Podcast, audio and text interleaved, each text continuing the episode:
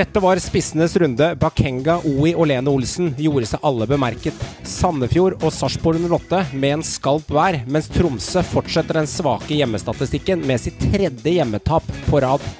Årets første Elv Classico det endte uavgjort med klassisk 1-1. Velkommen til en ny episode av Synseligaen. Men det er jo ikke sånn at bohemen etter Vålerenga på 60-tallet At vi kan spille med de 2020, i 2020. Det er toppidrett i dag. Fucking joke, de der jævla måla vi slipper inn. Det er, det er piss. Vi har vært bunnsolide i, i hele oppkjøringa. Nå har vi sluppet inn ja, fire-fem pissemål. Det er jævla kjedelig å trene, så det er mye bedre å bare ligge og sole seg og så spille kamper. Så det her er perfekt. I wanted to wish happy birthday, but it was already going go away.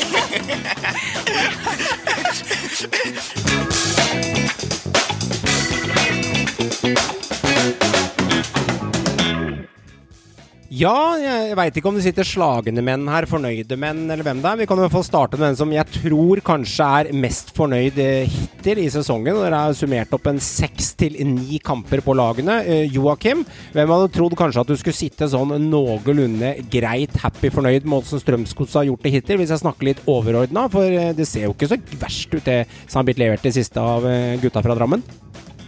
Nei, på ingen måte så gjør det egentlig ikke det. Uh det skåres fremdeles eh, litt for lite mål, syns jeg. De er ikke effektive foran, foran kassa. Det, er, det, er jo, det, har jo vært en gjenganger siden hele fjor også, men altså, for all del, vi har løpt noen vanskelige kamper.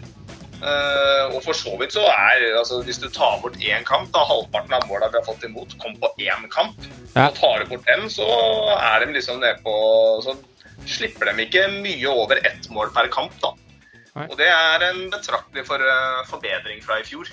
Det er nesten sånn, sånn 7-2-tap sånn 7-2-tap dere fikk. Ja. Det, er nesten, det, er nesten, litt sånn i eliteserieånden at vi har sett det så mange ganger fra Bodø Glimt når de først begynner å rulle. da, At, at eh, når man har tapt de kampene, for det er mange som har gått på sånne, så teller det nesten ikke. Man ser nesten bare vekk fra det og ser eh, fram til ny kamp.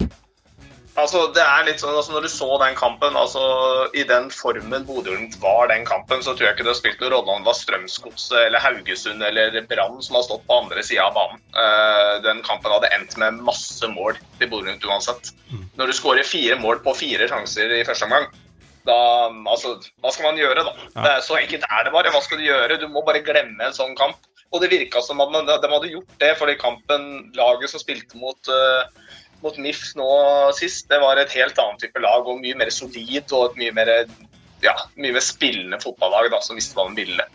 Hos deg, Håvard, har det blitt eh, sommerferie hos deg. Eh, du sitter der med flott, flott ungdomscaps. Ser ut som du har dratt fram noen herligheter fra skapet her og viser deg fram. mer han har skjegg og du har capsen, eller hvordan står det til? Nei Feira Det er jo et høydepunkt. Feira bursdagen til døtrene mine i helgen. Det er bra. Blitt uh, tre og åtte år, så de uh, vokser til. Men det har vært veldig hyggelig. Men jeg må jo glede meg over noe, for det er jo trøstesløst å være Brann-fan i disse dager. Man føler seg litt sånn maktesløs, rett og slett. Man får ikke gjort en dritt. Får bare sitte der og håpe på det beste. og skuffa nok en gang, da, etter to kamper uten tap. Eh, med litt sånn eh, veldig positivitet eh, med godsekampen, og så litt sånn ned på jorda og en jævlig traus kamp mot Sarpsborg. Og så er det rett i nøttene mot Odd og, og krisetilstand og, og, brennefest og personlige feil. Og nei, det florerer over hele linja. Det, det holder ikke. Skal Brann holde seg, så må dette her eh, skipet snus eh, veldig fort som faen, altså. Vi kommer til Brann. Tar, tar, litt om de etterpå. Jeg kjenner at det er litt molefonken stemning hjemme hos deg. Jeg fikk ikke noe svar på om sommerferien er spiker ennå, da. Jeg fikk bare svar på Brann. Men jeg skjønner at du er irritert. Ja. Nei, jeg har et par uker igjen på jobb nå, så er det sommerferie. Det blir digg. Hele juli fri. Det er smooth, så det blir bra. Hadde en kompis jeg, mer han som ringte meg når jeg satt og så på Sandefjord Viking, og så sa han Ser du matchen, Johan? Og så jeg bare eh, ja, jeg, ser, jeg ser matchen, det er 2-0 til hjemmelaget her. 2-0, og så matcher det du ser, da? Han satt og så EM. For da var det to EM-kamper som gikk sånn halvveis eh, litt før og litt etterpå. Og da skjønte jeg fort at det, det er et langt sprang mer mellom EM, EM, som er liksom high class fotball, da, hvis kan kalle det det, og Sandefjord Viking. Men eh, vi holder jo på sjarmen, da. For meg ja, var det Sandefjord Viking som gjaldt. Ja. Jeg ser på det som noe positivt, da, at det er EM nå. fordi mellom kampene skal du fort havne i en eliteseriekamp. Ja. Da tenker jeg at Hvis vi da kan få 10 da, av de eh, Kall det Premier League-supporterne da, som følger med på EM nå, som switcher innom Eliteserien og tenker er greit, jeg kan begynne å følge med litt framover og få litt av den lidenskapen tilbake. Så tenker jeg OK, da har EM vært en suksess, da. For min del så ser jeg jo litt kamper, da. Jeg, gjør, eller jeg får med meg de fleste kampene, jeg gjør jo det. Hvor mye ser du? Gang. Ser ca. 80% altså. Men jeg, Ja. men jeg switcher om når det er Eliteserien. Da, Mm. da er det fullt Eliteserien. Det som er deilig da i disse dager, vi må jo ikke glemme at vi har vært uten mesterskap nå på lang lang tid. Det er jo tre år siden forrige mesterskap, og da fem år siden forrige EM. Så det er jo veldig gøy med mesterskap. Jeg må si eh, så, altså, Engasjementet er der, og så er det jo deilig. Det er jo fotball hver dag, gutta. Det er jo Det er alltid noe digg, digg eh, ball å se på TV-en hvis du velger det. Og jeg personlig, jeg, altså jeg får ikke med meg alle kamper, men jeg ser mye høydepunkter. Og også som sagt, Eliteserien kommer først hos meg, uansett nesten.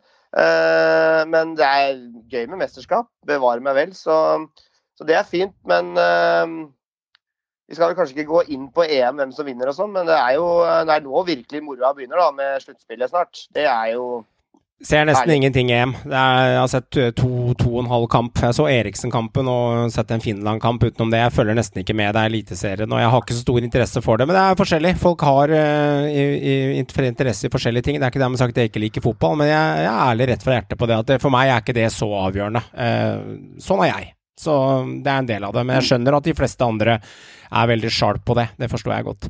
Vi skal iallfall starte med et lag som eh, langt fra EM og langt fra suksess. Vi kan jo starte med mitt kjære Rosenborg. Eh, To på rappen nå, og mot eh, en middelmådig norsk motstand, hvis vi kan være såpass frekke å si det. Strømsgodset og Sarpsborg. Det er lag du egentlig skal iallfall ta med deg poeng i matchene til, og sannsynligvis vinne begge.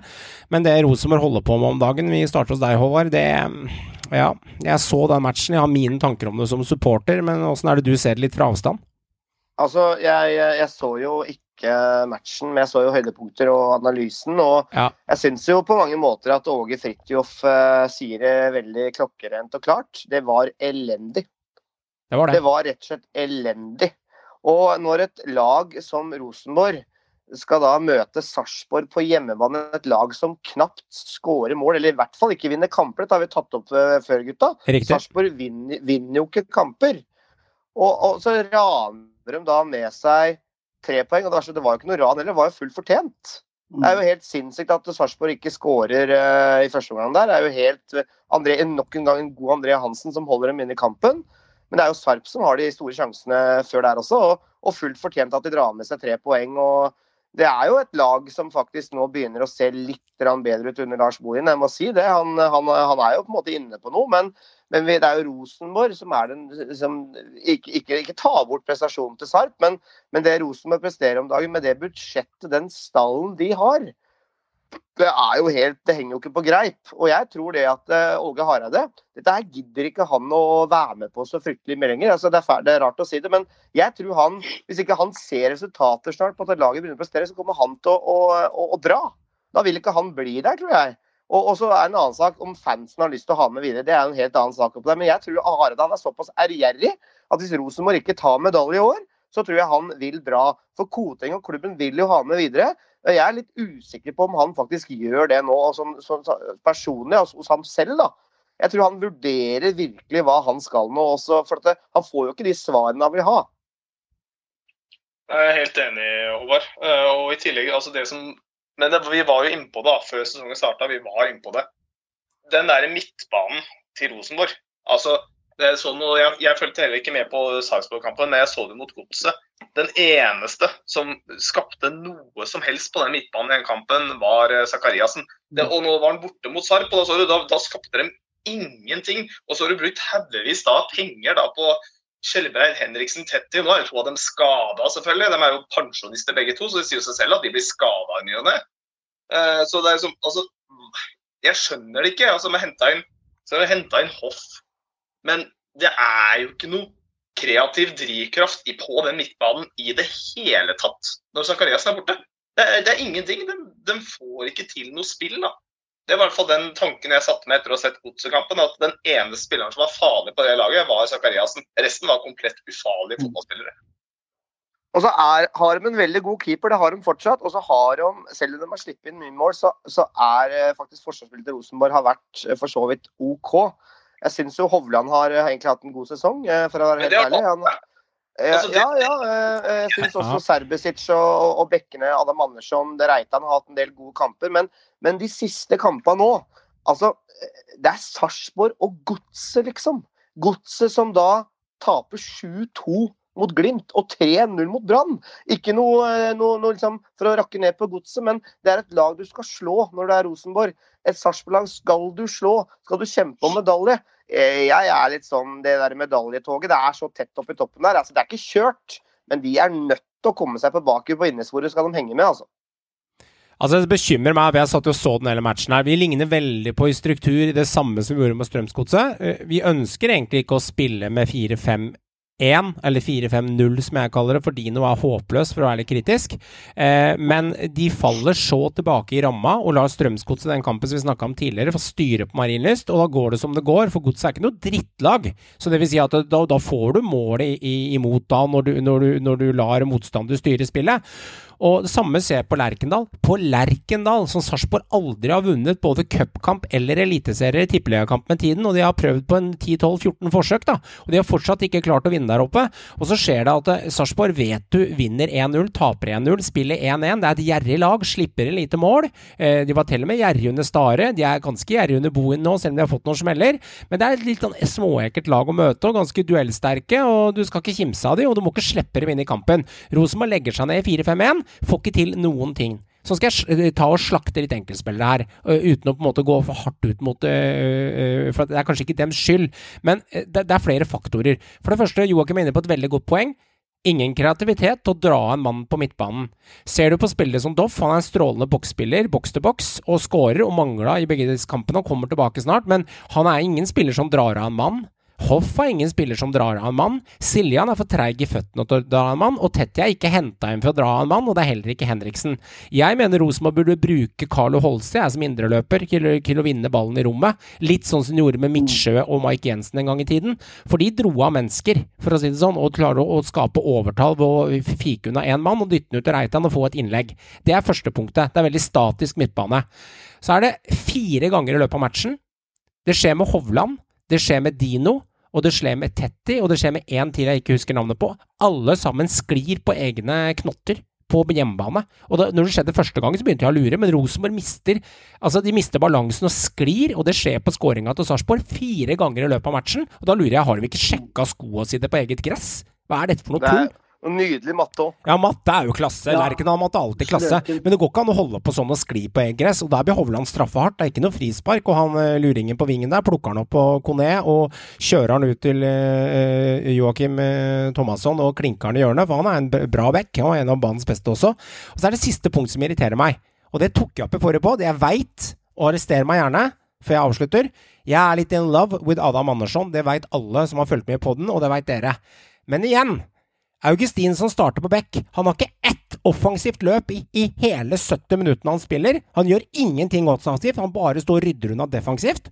Når vi skal kaste, jeg vet vi ikke har tenkt å bli Lillestrøm og hodelag, men Rosenborg er farlig på dødballer og innkast, og det er Adam Anderssons spesialitet, for han kaster langt.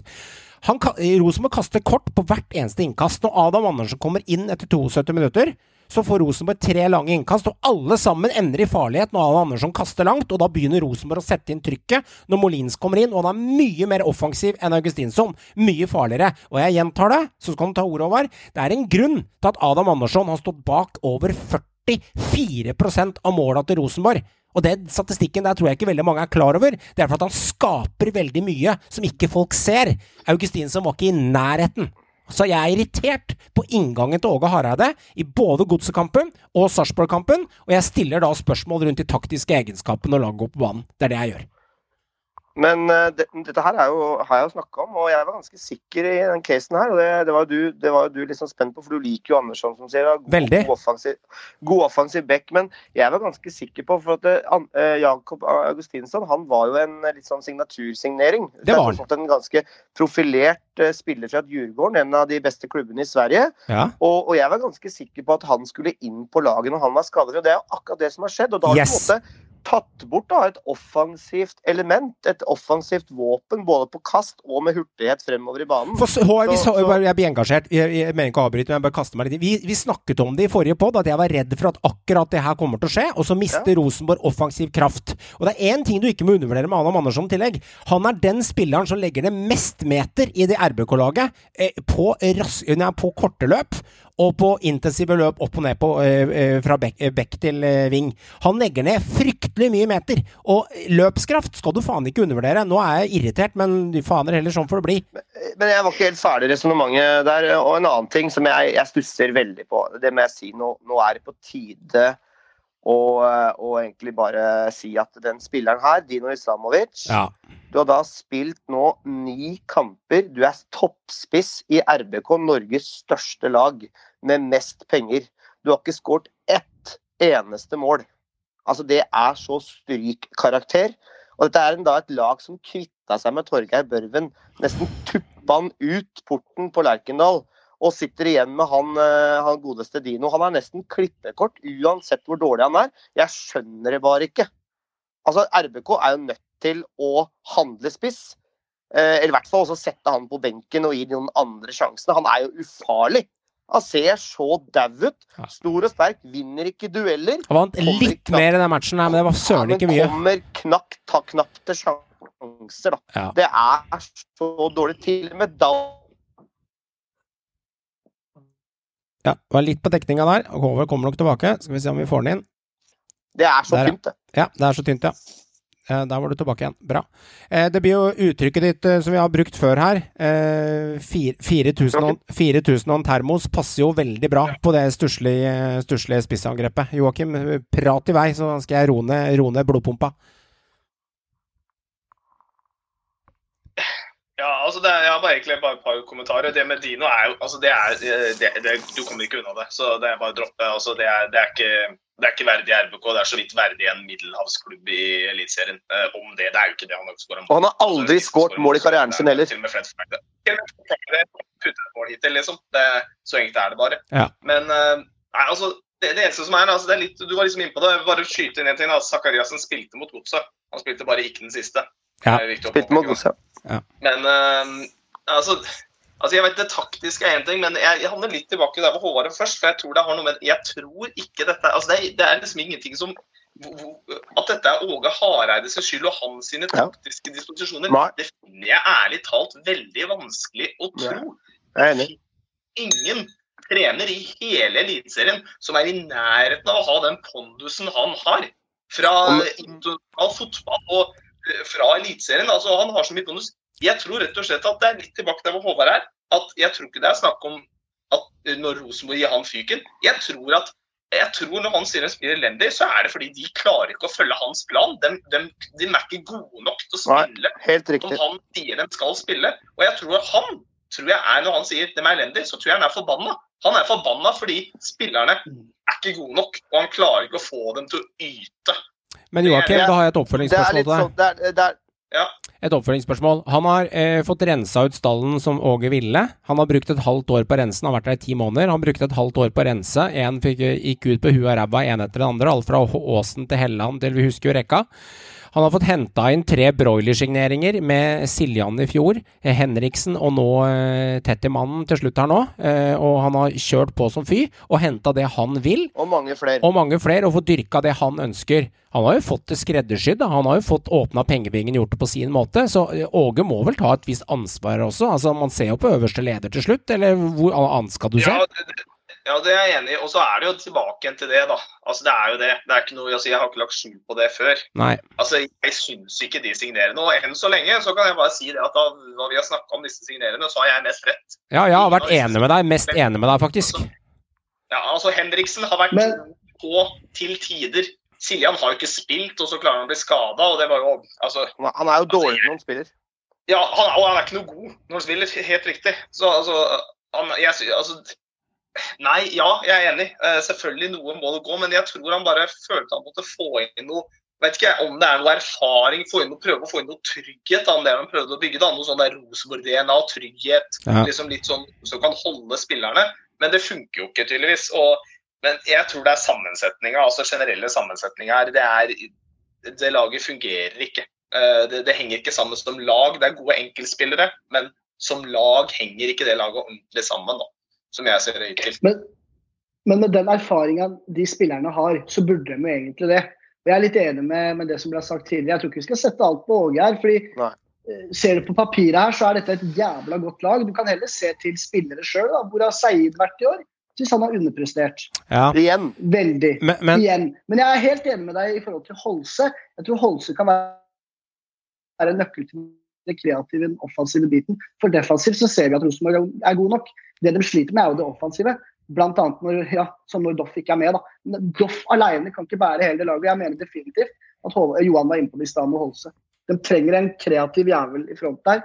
Fordi Saeed han er kreativ, ja, men han, han mangler sluttprodukt, rett og slett. Jeg, jeg, jeg syns også Rosenborg lider veldig i at uh, de eh, bruker eh, Nå som Zakariassen er ute, da, så er det ekstra tydelig. Altså, hvor hadde RBK vært uten Zakariassen? Det kan man begynne å lure på. Hvor hadde RBK vært da? Ja, kan nesten la det henge, sju, henge som siste ord. Han har stått for sju av måla. Jeg skal bare si en siste ting. Og så ja. lider RBK veldig av at de har da Henriksen, Tetti og Siljan nå det er tre defensivt anlagte spillere som tidligere har vært indreløpere. Tetti skal være unnskyld, han har spilt én kamp, og han var vel ikke så halvgæren. Men Neida, Siljan og Henriksen, da. Det er, det er, tre defensivt anlagte spillere som har spilt mange år i utlandet i en defensiv posisjon på midtbanen, som plutselig skal fungere som indreløpere, noen av de. Du ser det. Siljan, det er fælt å si det, han blir tatt på tempo, altså. Han har vært en balldytter og en ballvinner i Tyskland. Stått bare og stått nesten på midtstreken og vunnet ball og spilt den videre med en innsidepasning. Han faller igjennom. Det, det, mm. holder ikke på det nivået her. Det er fælt å si det. Det gjør han ikke. Og, og, Henriksen han starta ganske bra.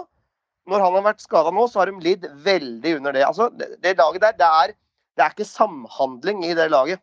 De sliter ekstremt. Ja da, det, det, er mye frustrasjon der. Og jeg er nok eh, Jeg skjønner at man prøver liksom nesten å frigjøre litt på Åge der, at det går på spillere. Men jeg, er ikke så enkel på det. Fordi Åge har fått dette her skreddersydd som rene monopolspillet selv. Åssen han har lyst til å sette sammen dette. Og fått åpne vinger til å gjøre hva han vil. Eh, og han må ta et visst ansvar. Og for å si det siste om det, så ble den henge i lufta.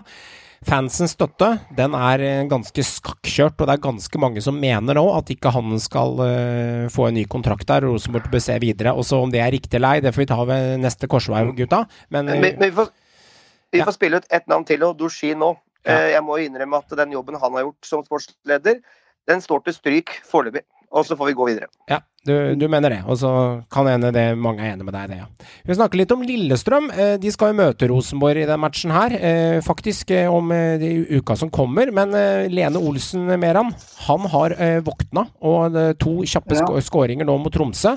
Og Lillestrøm, som det laget vi trodde skulle ligge mellom sånn åttende- og ellevteplass på tabellen, og ligge og vake og stjele litt poeng her og stjele poeng der. Akkurat nå så har de kommet hit vi forventet. Ja, de har det. De har endelig våkna. Jeg må si jeg egentlig er overraska. Jeg er egentlig overraska, for jeg trodde, jeg, trodde, jeg trodde, virkelig ikke de skulle ta den kampen. Men det gjorde de. Og Lene var god, altså. Han var faktisk god. Så det, det var på tide. For de trenger han i toppform nå. Hvis Lillestrøm skal være med i det hele tatt, hevde seg i, i ligaen i år, så trenger de De trenger han spissen på topp. Så mm. enkelt er det. Mm. Akkurat nå er jo Lene Olsen en hærfører. Han er jo kaptein med stor K. Han har skåret fem mål nå på seks kamper. Mm. Det er jævlig gode tall. det. Den eh, brassa nå sist nå, det er jo klasse. Det er jo ekstremt bra. altså etter altså Det Lillestrøm-laget har jo våkna ekstremt. altså de, og Det syns jeg faktisk er, eh, Geir Bakke og Petter Myhre skal ha honnør for. De, de, har, de, har, sett, de har innsett at den foretrukne formasjonen med, fir, med fire bak, med 4-3-3, den klassiske 4-3-3, det har de ikke fått til. De har lagt om fordi at det ikke har funka. De har sklypet til korset, lagt opp til en treer bak og få skikkelig offensive wingbacker med 3-4-3. Og det har løsna for LSK de siste kampene. Og det syns jeg de skal ha honnør for. At de, at de? Det er veldig mange trenere som kjører seg blindt inn på den formasjonen de foretrekker, og ikke klarer å gjøre forandringer. Og, og tviholder f.eks. på en 4-4-2, da. For det er det de på en måte kan. ikke sant? Men, men her har de faktisk Vet du hva? Vi må legge om, skal vi vinne kamper. Og det har, de, ja. Eh, har faktisk LSK gjort nå. Og de ser ganske bra ut. Og skal dette være året som mannen som aldri skårer mer enn ti eliteseriemål, faktisk klarer å få liksom, den sesongen som egentlig alle har. Ja, det, er så, det er så mange år, da. Liksom, han har sta, Lene Olsen har hatt så veldig gode perioder, skåret mye mål, og så har det stagnert helt. Og så har han ikke rørt målet på sånn åtte-ni kamper, og så har han putta et par igjen. Så liksom alltid havna rundt 10. Skal kanskje dette være året da hvor Lene Olsen liksom bikker 15, havner mellom 15-20 mål? Han ligger an til det. Fem mål nå. Kanskje. Det, han er Kanskje. skjema, og han, han storspiller til tider. Altså, han er jo en av de få spissene i Eliteserien, sammen med liksom de selvutnevnte favorittene eh, på topp, som faktisk leverer virkelig det han eh, skal da, for laget sitt. Så det er veldig interessant å se. Eh, og det hadde vært morsomt om han endelig kunne få en sånn skikkelig broilersesong. Men eh, nå har han jo fem, fem skåringer der, da, på de, eh, på de seks kampene Lillestrøm har spilt. Og har faktisk ikke spilt eh, Han bare spilt 92 minutter, og blitt tatt ut sikkert der og lagt opp litt siden de har slitt litt. Men han skåra åtte skåringer i 2019.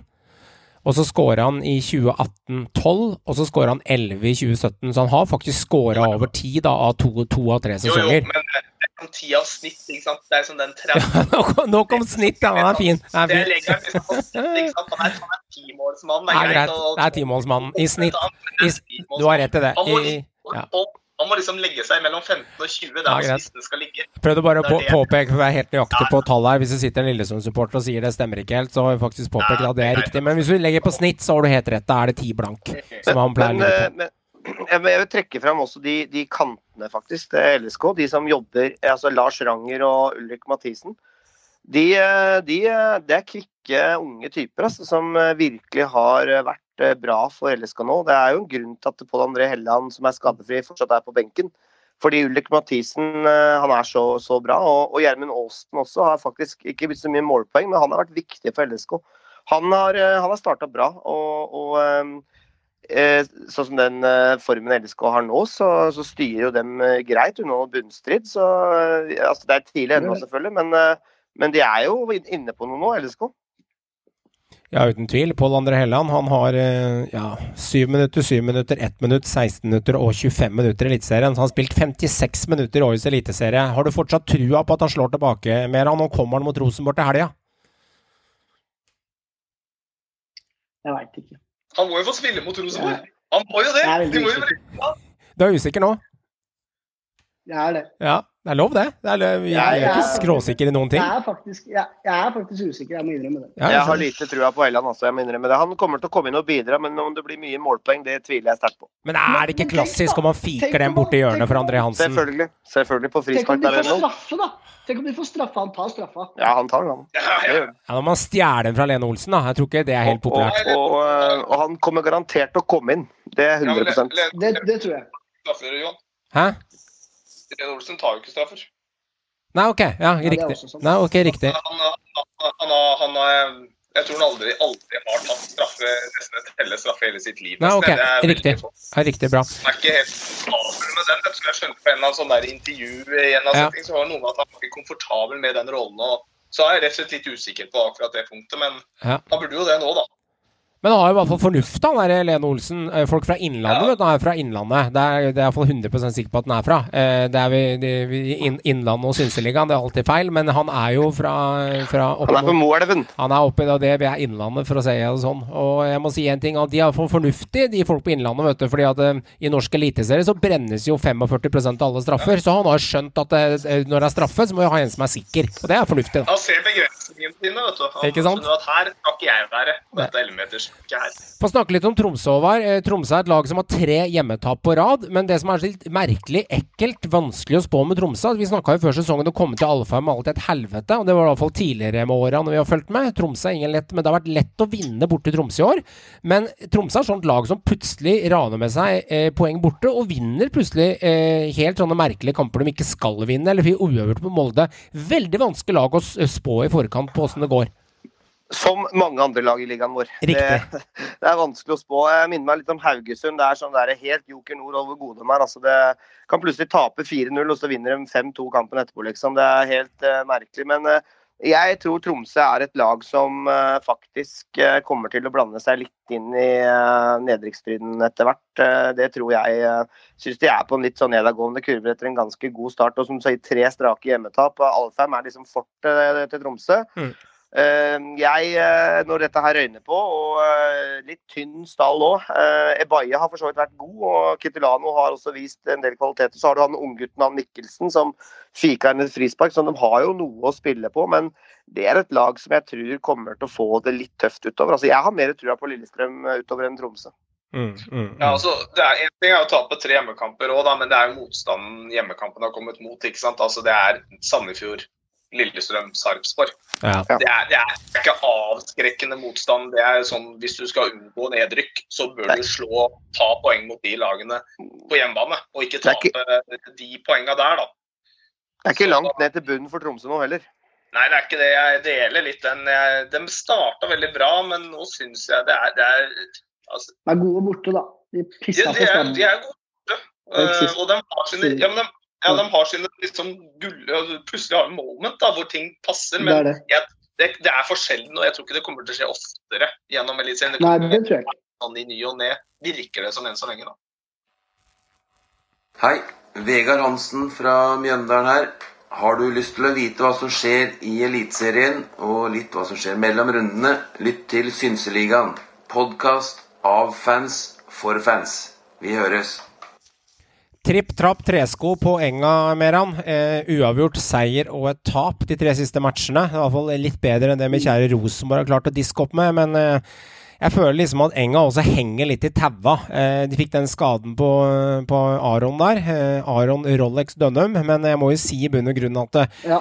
det er så ustabilt. De er så fryktelig gode en periode. I kampen, i kampen i går også, så leverer de egentlig en strålende førsteomgang der, og de spiller egentlig Bodø-Glimt litt, eh, litt eh, eh, hardt tilbake der i, i lengre eh, deler av kampen, og jeg syns egentlig de leverer ganske godt. Uh, men så er det dette med at Bodø-Glimt får med seg det poenget. De ta, slo plutselig Viking. Altså, eh, det er tapt mot Viking, beklager, og så vant de plutselig mot Sandefjord, som er en pliktseier. Men det er et vanskelig lag, Enga også. Hvis de skal henge med der oppe, så må de begynne å få vann på mølla. De er det. Og så har de jo flere ute, da. Men det verste er at i går så var de jo det beste laget. De skulle egentlig ha vunnet. De ble jo snytt av dommeren der. Det, det, det er viktig å få fram der. Det, det var aldri offside. Udal skårer, han. Det er jo ikke offside. Udal skårer, det er, det, det er ikke noe å si på det. Og så syns jeg da, men, men ja, de sier at de henger litt i taua. Det er jo litt pga. prestasjonene som har vært de siste kampene. Poengfangsten, da. Ja. Um, men, men men jeg syns det lugger mest i det spillmessige. Etablert mot uh, i etablert. Eh, Jeg syns det er der det lugger mest på Vålerenga. Uh, det burde de få løst veldig fort. For ellers kan de risikere å, å gå på flere blemmer etter hvert. Men spiller de sånn som de gjorde mot Glimt i går, der var det jo det var en gøy kamp for en nøytral supporter å se. da, For det var fram tilbake, fram tilbake, fram tilbake hele tida.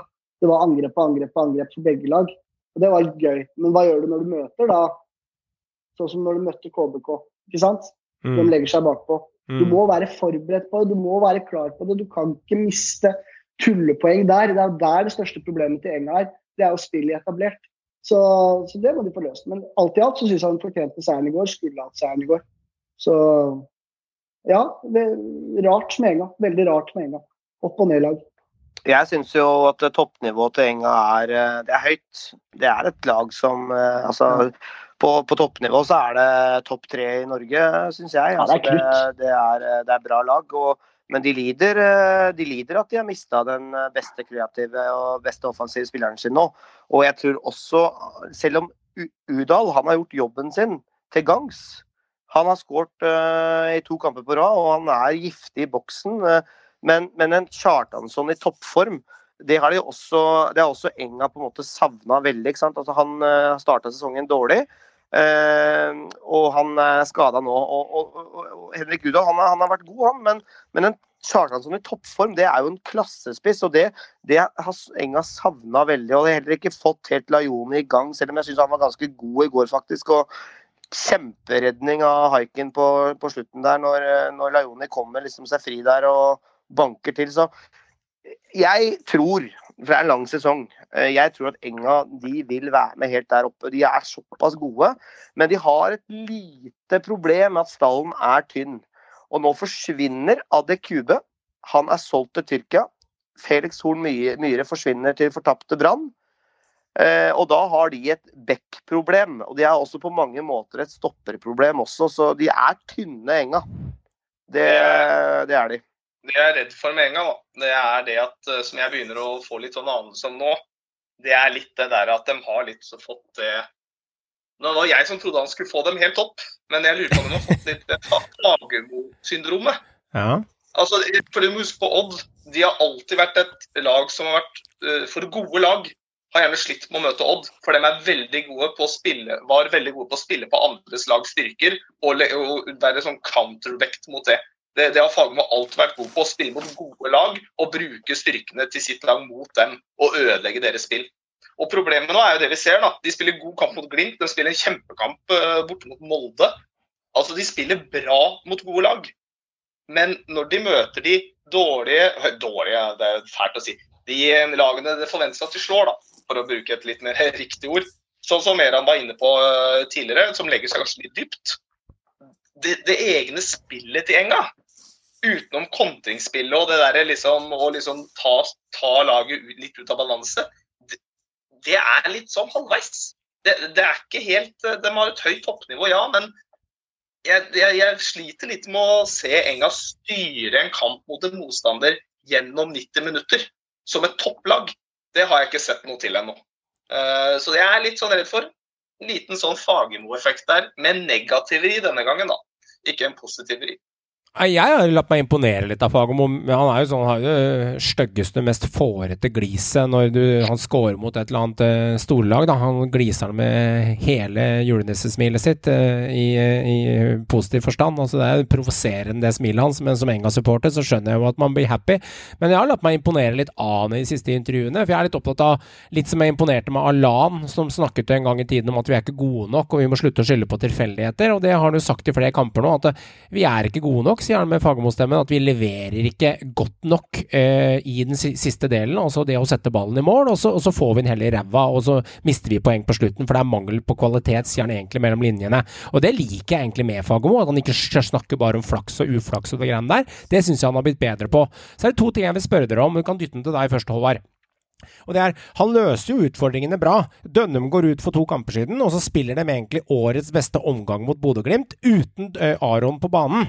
Så de har jo klart å løse det internt i enga og holder Bodø-Glimt til 1-1. Og det er sterkt uavhengig om de eide den ene omgangen, for Bodø-Glimt er seige å møte uansett. Det er et godt fotballag. Og så har de løst dette med Kjartansson, som fikk problemer med beinet sitt, og hva det var. Og på de siste, siste fire kampene som nevnte i stad, så har han skåra to mål, men han har tre assist. Han har fem målpoeng på fire kamper, eh, Henrik Udal. Så han har løst spiss eh, spissproblemet også i Enga ved at han har trappet opp og tatt sjansen han har fått. Så han har løst de to problemene. Og nå mangler det egentlig bare å omsette dette i poeng. Så han er jo inne på noe, eh, Fagermo, hele tiden i det han gjør. Så han jobber jo riktig med laget. Ja, og så syns han han, er, eh, han er veldig ærlig eh, på hvor det skorter. Og, og også er veldig ærlig på at eh, skal vi få fram unge spillere, så må vi gi dem sjansen. Eh, og de, de henter ikke bare for å hente lenger i gjenga, det syns jeg er en bra greie. Mm. De henter kvalitet. Spillere som er i elveren, eller i hvert fall tett opp til elveren. Og hvis det skal på en måte være noe, eh, noe andre som skal inn, så er det unge, fremadstormende spillere som må uh, få spilletid og bli brukt. Og Det syns jeg er en veldig sånn fin politikk. da, men, men de er også veldig ærlige på det at stallen er på mange måter for tynn. Eh, men de velger å prioritere den veien de gjør nå. Og, det syns jeg på en måte er et sånn bra statement. At du står i det. da. Ikke sant? Du blir ikke frista til å hente en eller annen sånn middelhavstype bare for å fylle opp. Og det syns jeg, eh, jeg er bra politikk eh, av klubbdrift. eh, At de velger den veien der. Og det syns jeg det står respekt av. At du på en måte ikke blir frista, som mange klubber gjør, til å Mm. hente en eller annen sånn derre eh, quick fix. da. Ja. Så, eh, men, eh, men eh, de er sårbare i enga for skade på etablerte spillere, og, og det um, men, men igjen, bra toppnivå, altså. Men, men Håvard, de, de holdt Rosenborg uavgjort. De holdt Bodø-Glimt uavgjort, og så slo de Molde på Ja, og, det, og det som er poenget mitt, toppnivået til enga er meget høyt. Det er sterkt, altså. kjempebra. Mm. Men eh, Mer altså, Mer Ja. vet du, mer av nå. Nei, kjør du, Joakim. altså, du må ikke misforstå meg i forhold til uh, Fagermo. Altså, måten Enga driftes på er greit. Men det er litt sånn som du sier, og det du sier nå, det, det igjen, da. Det, Mm. det, det er faglig Odd. Ja. Det er det som, det er det som jeg syns er litt faremoment her. Fordi det, det virker Altså, jeg vet ikke Blir Enga mer lik Odd? Og da blir liksom poenget faller det også da litt altså Greit, de har jo ikke gjort det kjempebra før, men vil de da få den sportslige utviklingen de trenger? For det er sånn som du sier, det står opp et problem, og han løser det. Ja. Han har gjort, alltid gjort det. Han har alltid gjort det Odd. Han løste alltid et problem. Mista Børvid, løste problemet. De mister et spiller. De løser problemet. De henter opp en unggutt. Han funker. Løser problemet. Men det er ikke det som skal til for å gjøre Enga til en medaljelag. Det, det er det som er hele poenget her. da, og Ja, jeg ser, skjønner hele poenget, og jeg veit at vi var kanskje litt vi var kanskje litt vel optimistiske, da, i hvert fall enkelte her, som antok meg selv inkludert, som liksom tenkte at Enga i år, det var en gullkandidat.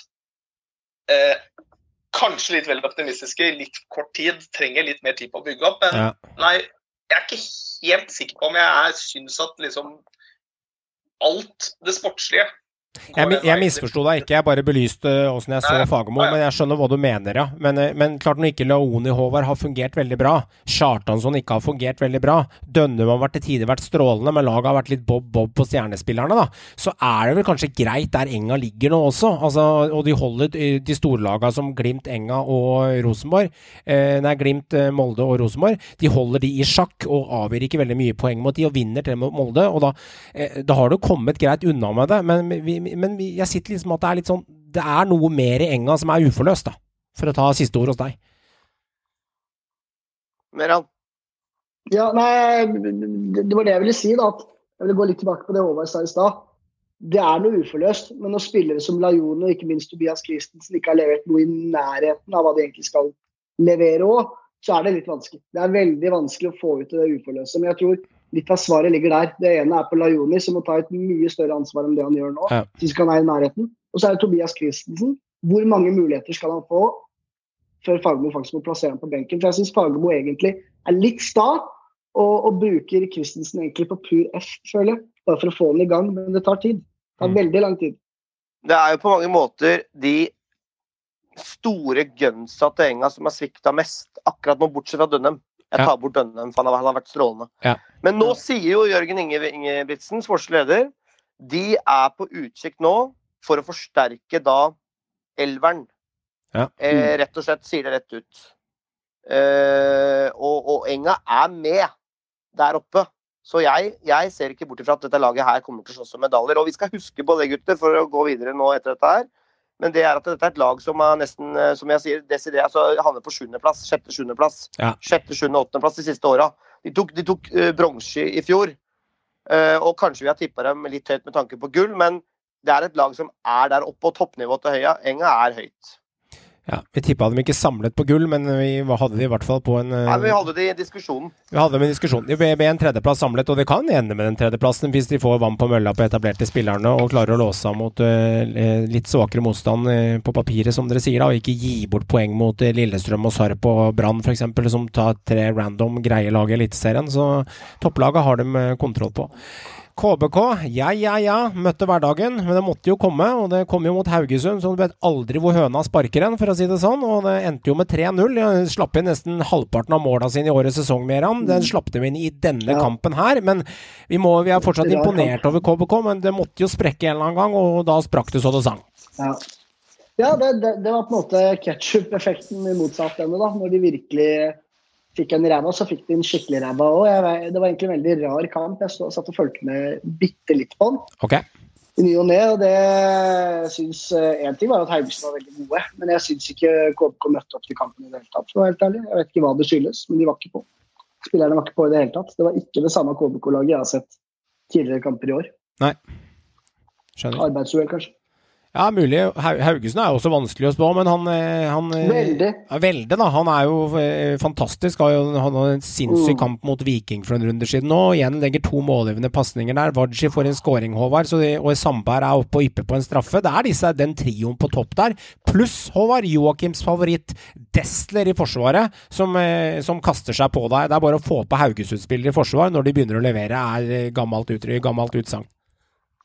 Så Haugesund er jo egentlig litt på, litt på gang nå. Eh, De er, altså Spillemessig så er de på en opptur, selv om det ikke alltid blir tre poeng. Så, så, så er de på mange måter eh, på et litt eh, høyere nivå nå, syns jeg. Og, og knuser da et solid KBK liksom 3-0 der. og den, jeg vil ta med den, de- de fire på topp. Jeg får Liseth også har våkna litt. og han er Han skårte mot LSK, han binder opp mye. Han, han er veldig viktig for K- Haugesund, de sier det sjøl også. Han, han de får en liksom ekstra dimensjon da, med at han er så god feilvendt og, og binder opp. Og så har du liksom Velde som på sitt beste er jo out, outstanding der. Så, så Haugesund er et seigt lag. altså Du veit aldri hvor du har det laget der som plutselig bare feier KVK og Viking av banen, og så kan de plutselig bli tape 4-1 neste kamp, liksom. Det er veldig merkelig, det laget der. Men eh, det er i hvert fall ikke noe lag som kommer til å eh, surre seg ned i bunnstriden, for de er for gode til det. Men det er heller ikke noe lag som kommer til å være med der oppe, så det er for meg sånn middelhavsfarer, altså.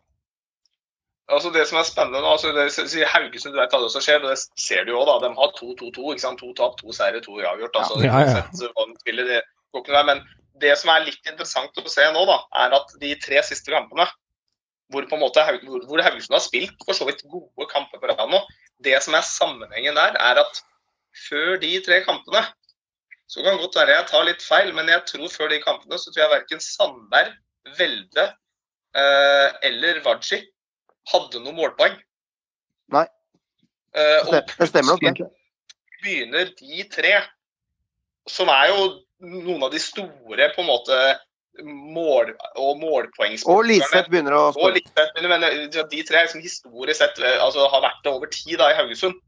Uh, når de begynner å levere samtidig, hvis dette fortsetter, så tror jeg Haugesund kommer til å ta ganske mye poeng framover. Da tror jeg Haugesund kommer til å bli vanskelig å slå, fordi de andre lagene er jo like mye høna sparker på mange av de andre lagene her. Og hvis de klarer å få en liten flyt nå med godt spill, så kan de hente inn mye. Og da Ja ja, Johan. Ja, det er ikke bare defensive Haugesund-spillere du skal inn på fancy da. fordi hvis Velde og Sandberg har begynt å få opp dampen Ja, ja. og fortsetter, da kan det bli mye framover. Ja, de er bra prisa òg. Vi kommer til Fantasy etterpå, men Sandberg og Velde ligger jo på 7-8 millioner, og du sparer jo fort noen kroner med å velge de. Så Liseth er jo du er på han over. Jeg er jo, vel, jeg er jo ikke så imponert av Liseth, mens du er det. Eh, og jeg skjønner at, eh, skjønner at du, men jeg ser ett målpoeng. Eh, jeg vet at han er god til, i, i oppspillsfasen og folk snakker om det, men jeg, jeg syns han er for vaksinert. da. Jeg tror ikke han får fem målpoeng for Haugesund i år engang. Jeg tror ikke han får Nei, fire men til. altså, det er ikke hovedjobben hans. Nei, jeg skjønner. Det er eh, på mange måter å gjøre andre gode og binde opp og, og den biten der. Og de har, han, de har toppspissen i Waji som skal skåre mål, og de har Velde og de har Sandberg. og så har du Liseth i en mer nedtrukket trukket rolle Ja. der som litt sånn off-mitt, sånn eh, oppspillspunkt. Og den jobben gjør han bra. Det gjør han, det eh, sikkert. Det er ikke, min, ikke min favoritt i Eliteserien, men der er veldig delt. Men det er helt greit. Det er lov, det. Eh, men Joakim, du har nok rett i det. Eh, Meran, Viking De skulle jo reise kjerringa, de, borte mot, borte Sandefjord. Ja, Ja. ja. Dette Sandefjord-laget. Altså, jeg, jeg venter bare på, jeg, når Ja. 99 av Norges befolkning skal få rett at det er rett ned i Obos. Men det er 3-0, altså. For å si det sånn, det var inn med Berisha, kaptein. Få det på. Ja. Ikke sant? Få det på. Så ser jeg da stillinga, da. Å, herregud, hva er det som skjer? Jeg, jeg, jeg fatter ikke. Jeg fatter ikke hva er det som foregår. De er så ustabile. Mm. Og så er det jo Hva er det Sandefjord Altså den, Jeg hadde ikke trua. Men det er et lag, da. da. Jeg Altså, har fremdeles ikke trua på enig, men det- Sandefjord. men- Hva er dette for noe? Men vi snakket jo litt om før sesongen at det er det en håp her. Altså det Sandefjord De tapte sjelden kamper med store sifre, Håvard. Både i fjor, eh, i fjor også. De, de ble aldri De ble sjelden pult av banen 4-1 og herja med. De tapte 1-0, de tapte 3-2, de spilte 2-2, de tapte knepen på overtid. Det var et lag som var seigt å møte. Altså, jeg skal ikke sammenligne Ja. med noe Bodø-Glimt-nivå, glem det. Men de er litt sånn Vi har ingen stjerner. Men vi har et lag, og det laget her skal kjempe sammen, koste hva det koste vil. Og så begynner jo han ene med det frekke høyrebeinet å vise seg litt fram som kanskje en liten offensiv stjerne hos de. Men, men jeg må si i bunn og grunn at det er, det er noe sjarmerende med dem, hvis vi skal begynne å se litt fint på Sandefjord også, da. Altså, Det er ikke et lag som gjør seg bort overhodet. Altså, Ordagic, Singh, Valles Du har eh, egentlig et kurant stopperpar eh, med han eh, eh, Moen Foss og eh, Ja. Kreuzrigler, der. Og så har du til Ikke sant? Og så har du nå også eh, Alexander Ruud Tveter som Ja, han fikk det ikke til i Sarp, men han er litt seig. Du har Gussiås i baken som kommer inn og scorer.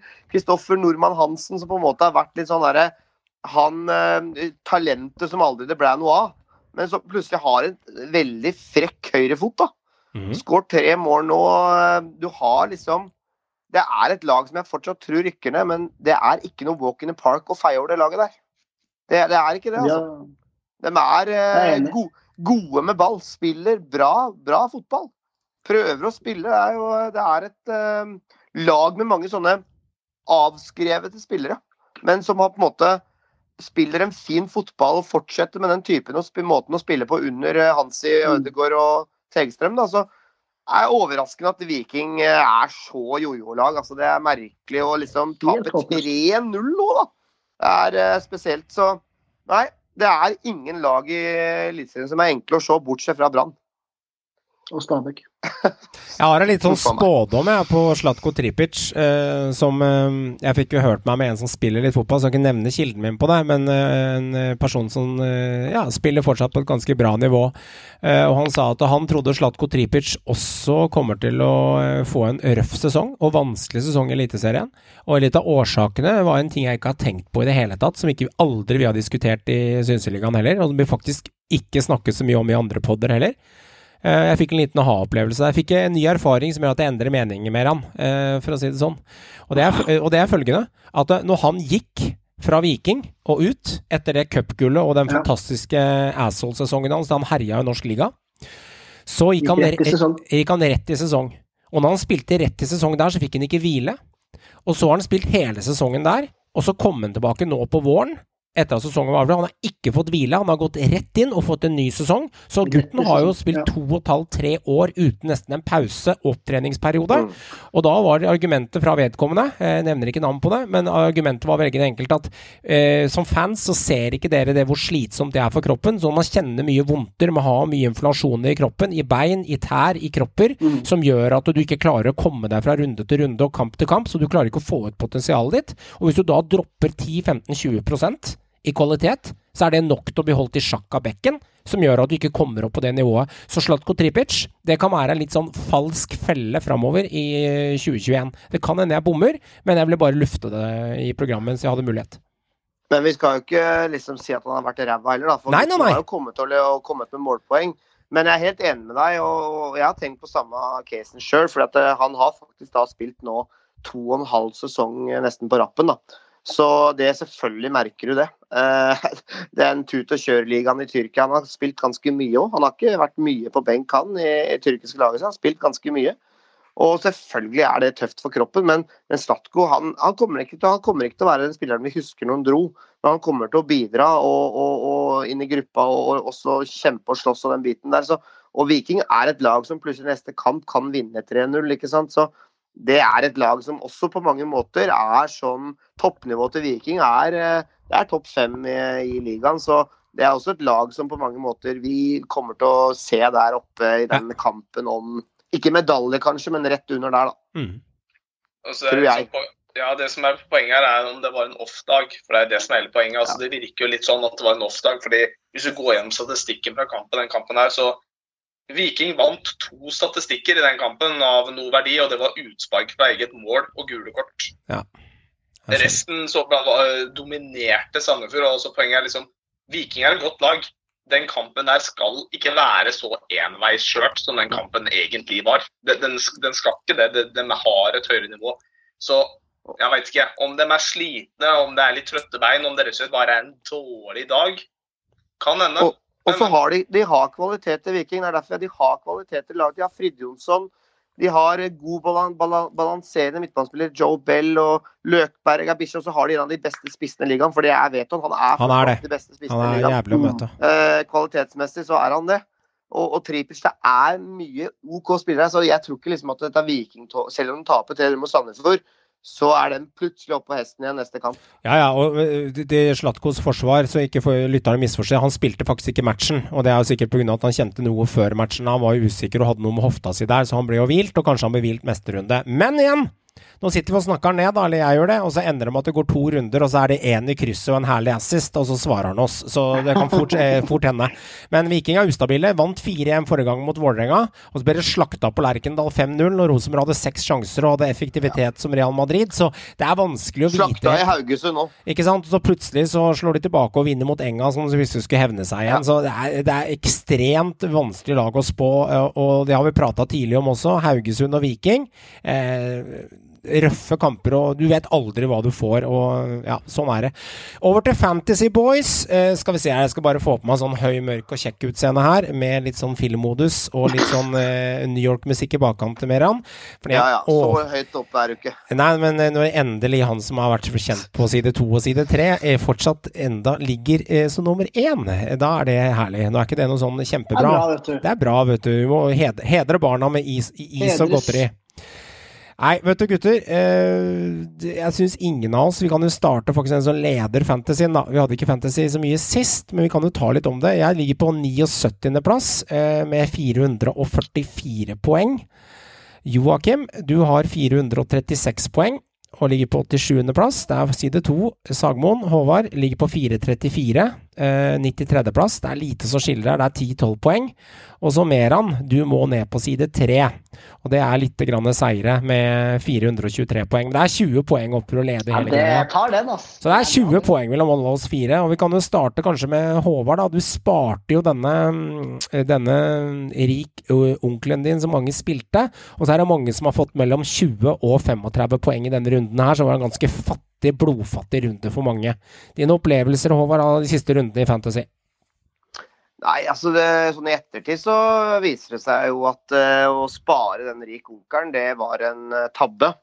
Fordi det var så mange som dro inn uh, godt over 100 poeng den runda der. Ja. Blant annet du, du dro jo over 100, selv om du ikke fikk sånn kjempetreff som noen. Noen dro jo 130 poeng, liksom. Riktig. Men, men, men så bomma jeg på en del av de andre, og, og det får jeg svi for. Det får jeg, får jeg svi for skikkelig. At jeg, og så har jeg heller ikke klart å treffe de siste rundene nå. Igjen det der kapteinsvalget. De som har hatt OI som kaptein liksom nå, f.eks., kontra eller Botheim, da, som, som, jeg, som jeg har hatt. Det er nok en gang, det poengterer jeg, det er kapteinsvalg å treffe der. Når du ikke spiller chips, det er så jævlig viktig. Uh, og nå er det plutselig flere spisser som begynner å melde seg på, så så, så Nei, det er vanskelig nå, altså. Fader heller. Det, jeg sitter og angrer meg som en hund for at jeg har brukt det wildcardet mitt, uh, egentlig. For det hadde vært deilig å rocke om på nå. Men uh, vi, får, vi får se. Vi får prøve å Det er ikke så høyt opp til dere andre Nei. gutta i Synsligaen, da, for å si det Nei, nei, det er ti poeng, over. Eh, jeg har rikonkelen min i bakhånd her, så, så sånn sett. Men eh, nei, det har vært noen eh, down-runder nå. Må, må, må skjerpings, rett og slett. Men ta litt og prate litt med deg om det, så tar vi runden litt på alle sammen. Så tar vi hele runden, og så får du noen spørsmål om Håvard. Eh, du kjører Ulland Andersen, Aursnes og Brynildsen. Du kjører en skikkelig Molde-trio på midtbanen. Eh, og Det er noen spørsmål til deg. Hva er grunnen til at du har tre Molde-spillere? Og ingen Bodø-Glimt-spillere på midtbanen. Eh, Jeg skjønner at du har Bjørkan og Botheim, men du har valgt å styre helt unna eh, eh, Glimt på midtbanen, men kjøre heller Molde-fest. Fordi altså, det er, det er sjukt vet at eh, jeg ikke får mer der. For Brynildsen han er så nære scoring. Det er han. Jeg får riktignok Det er så But no og- og- cigars! Og, og, og Brynildsen han, eh, han får med seg en assist. Uh, og jeg får også en, eh, en assist på Aursnes der, og, så jeg treffer helt sånn OK på de Molde-gutta. For jeg jeg har veldig trua på Molde, for de er, det er et godt lag. Ja, ja, ja. Så jeg vil, jeg vil ha med meg Molde-spillet. Så det går egentlig litt på pris og sånne ting. Eh, også, men så har jeg valgt da Botheim og, og Bjørkan, og så, og så har jeg valgt bort Saltnes, fordi han spilte jo stopper en periode. Ja. Men nå er jo han, nå er Saltnes-kjøret i gang igjen.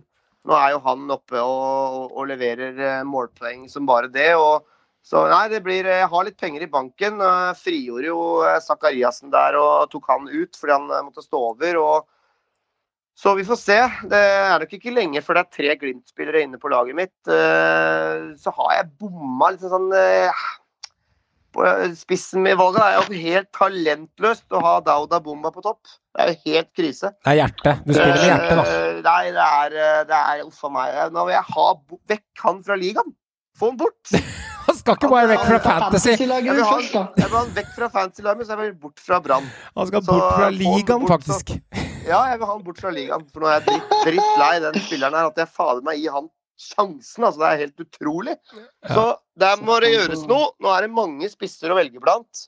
Så, så er det å, å treffe på de, altså de kapteinsvalgene der og, og sånne ting. Så øh, Men jeg får være litt iskald med den rike onkelen min. og gjemme den til det kommer noen doble runder, så får vi se om vi klarer å ta innpå litt. Før jeg går videre til Meran, så må jeg spørre deg. Du er, er imponert med det at du ligger jo bare en 10-15 poeng bak og har rik onkel i bakkant. Så du har, jo, du har jo ganske kontroll på oss andre der. For rik onkelen kan være gull verdt å ha, men jeg skjønner det irriterer av litt følgefeil.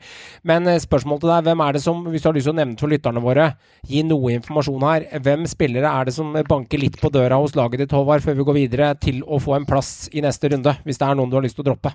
Det, det er uh, Mushaga Bakenga vurderer jeg sterkt. Kommer fra hat trick, og nå brukes han endelig som midtspiss, der han er best. Ja. Og han er jo et angrep alene nå mot Brann. Uh, tre mål taler for seg sjøl. Uh, og uh, syns også det er noen litt spennende typer i Haugesund og, uh, og som møter hjelpeløse Brann, for å være litt stygg mot mitt eget lag. Mm. Du har jo også en del typer eh, faktisk på LSK som eh, Lene Olsen, som jeg, jeg vurderer. Så det, det, det kommer til å skje noe bytter. Da. Det blir noe fort noen minuspoeng faktisk, som jeg kommer til å ta der, for å rocke om litt. Og du Meran, du ligger sist av oss, men du har jo kanskje gjort det sjakktrekket som blir hodebryn til Håvard. Han skal, han skal få slippe å svare på det, for han nevnte, veldig mange gode fotballspillere som han kanskje skal inn på dette laget. Men hodebryn til Sagmoen blir jo hva gjør han med Doff i neste runde? For skal han inn igjen på laget? Og hvis han skal ha inn Bakenga og Lene Olsen og hele den festen der, så blir det dyrt. Og eh, Ja. Både med bytter og minuspoeng, men du har beholdt, eh, beholdt han, og så sitter du med en grei eh, trio med Molde. Har Beholder Moses, men hva gjør du med Berisha og eh, Saurai? Ja. Nei, altså jeg Doff skal jo bare inn på laget. Jeg satt den jo bare på benken. Jeg gadd ikke å ta den ut, selv om han var suspendert. Riktig. Eh, Men eh, ja, det blir nok eh, Botheim eller Berisha ut. Innenfor da enten Oui eller Bakenga, da. Eh, for å lene meg litt på det Håvard sa, for det er en av de to som banker på døra mi. Eh, Midtbanen min er Oi hos meg også, selvfølgelig. Det, ja. Møter Glimt, Ja, da, så det det kan bli seig. Hvem skal ut, da. Det er det. Men, eh, men eh, utover det så har jeg jo alle chipsa mine ennå. Det er jeg jo fornøyd med. Eh, dårlig runde nå sist. Jeg fikk 23 poeng. Eh, Veldig mange beste fikk dårlig. var Berisha med fire. Mm. Ja. Berisha med fire, det var beste spilleren min. Så det, Det- sier jo det sier alt. Eh, men jeg har jo to Molde-spillere, to Enga-spillere, jeg har eh, to Viking-spillere, tre Glimt-spillere. Altså det er, og Ebi, da. og Makani i mål. Så det Ja, jeg, jeg kan si meg greit fornøyd, men det er spissen og kapteinvalget Ja. eh, jeg sliter med. Altså, det er den jeg må finne ut av. Det er der jeg virkelig føler jeg mister poeng hver eneste uke. Men det beste er spilleren din er jo, fakt er jo ikke fire poeng, vet du, Meran. Det beste spilleren din for å få Joakim til å le, det er Kreuzriegel på tredje innbytterbenk med seks poeng, men han er benkspiller. Han er spiller. Det er det, er det som er sjukt. Han men han er jo, har jo levert, da. Så nei, men det blir eh, Mushaga eller Oi. Eh, Oi tror jeg nok eh, blir litt dyreste men jeg tror muligens jeg har råd til. Men OI, for å diskutere litt fantasy, ikke kampen, eh, Meran. Eh, OI spiller borte mot, Ja. eh, borte mot Glimt. Det kan jo ende med hva som helst. Ja. Og Bakenga tar imot Tromsø nede i Skien. Det høres litt lettere ut å putte inn Bakenga der på hjemmebane for Odd, eller det. har det noe å si? Det gjør det. Det gjør det. Så er spørsmålet skal jeg ta ut da Berisha eller skal jeg ta ut Botheim. Og utligne da Botheim med Oi. Ja. Eh, så skal vi jo se, da, fordi Viking har jo da i neste kamp så har jo dem søren meg eh, Sarpsborg 08 borte. Så hvor mange mål kommer Berisha til å skåre der? Det blir jo en tøff, seig, kjedelig kamp med tanke på at Sarpsborg egentlig er da et kjedelig lag. Det er 1-1-kamp. Eh, det er en 1-1-kamp, men så kan det jo fort være at Berisha skårer det ene målet, da. Ja. Så det, jeg er litt usikker Ja, det er, veto, det er, hodebry på veto nå, vet du. Det Det er det. er hodebry, vet du. Ikke Uff a meg, altså. Og så er det sånn der, vet du hva, fuck it, skal jeg bare ta Kinoshita? Men eh, nei, det skal ikke, Vålerenga. Skårte jo faen meg sist med Jeg Tar ikke Men noe jeg vurderer, jeg vurderer faktisk Udal. Udal kommer til Ja, å slå faktisk, det. altså. Det er en mulighet der òg. Ja, det er mye greier. Det er, eh, det er Ja, lett. mye på spissen. Mange av spissene har våkna litt nå. Ja. De har det. Jeg, eh, jeg, jeg, jeg forholder meg ikke så veldig mye lenger til deg, Meran, for du er på side tre. Men jeg, det er jo utsagnet i Synseligaen. Ja. Er du på en dårligere side enn deg selv, så kan du ikke forholde deg så veldig lenge til dem. Sånn som jeg ble mobbet i fjor, så da må, må jeg vippe Ja. over litt til Joakim. Og eh, ja, du har jo også tatt ut Doff, og du hadde veldig god suksess med Tollos Nation, eh, Joakim. Men han scora jo igjen, da. Hvorfor du skulle si at jeg skulle glise av Meran. For min del har jo ni poeng å sitte på benken, så jeg skjønner ikke hva det Jeg har ikke nevnt, jeg har ikke, jeg har ikke, jeg har ikke nevnt det engang. Eh, men jeg har, noen, jeg, har noen spørsmål, jeg har noen spørsmål til deg, og det er hva gjør du med Tripic? Men kanskje på, at han, eh, på den situasjonen vi spådde litt i stad, om vi treffer spot on. Tenk, hva tenker du med Tollås Nation, og er Rosenborg-spiller i hele tatt aktuelt på ditt lag framover? Altså, det, det er veldig enkelt eh, å svare på håper jeg ikke enkelt å svare på nummer én, men eh, jeg, når alle har snakka om dårlig kapteinsvalg, Ja. så var det da jeg som havna på Tripic, som ikke engang spilte fotballkamp. Så Ja. det var jo veldig fint. Og reserven min var jo da, det Ber- viser- var jo- og reserven min var da Berisha, Mm. som fikk fire poeng. Så jeg var liksom sånn Min beste spillende spiller ja. var jo HV, med fem poeng for godset.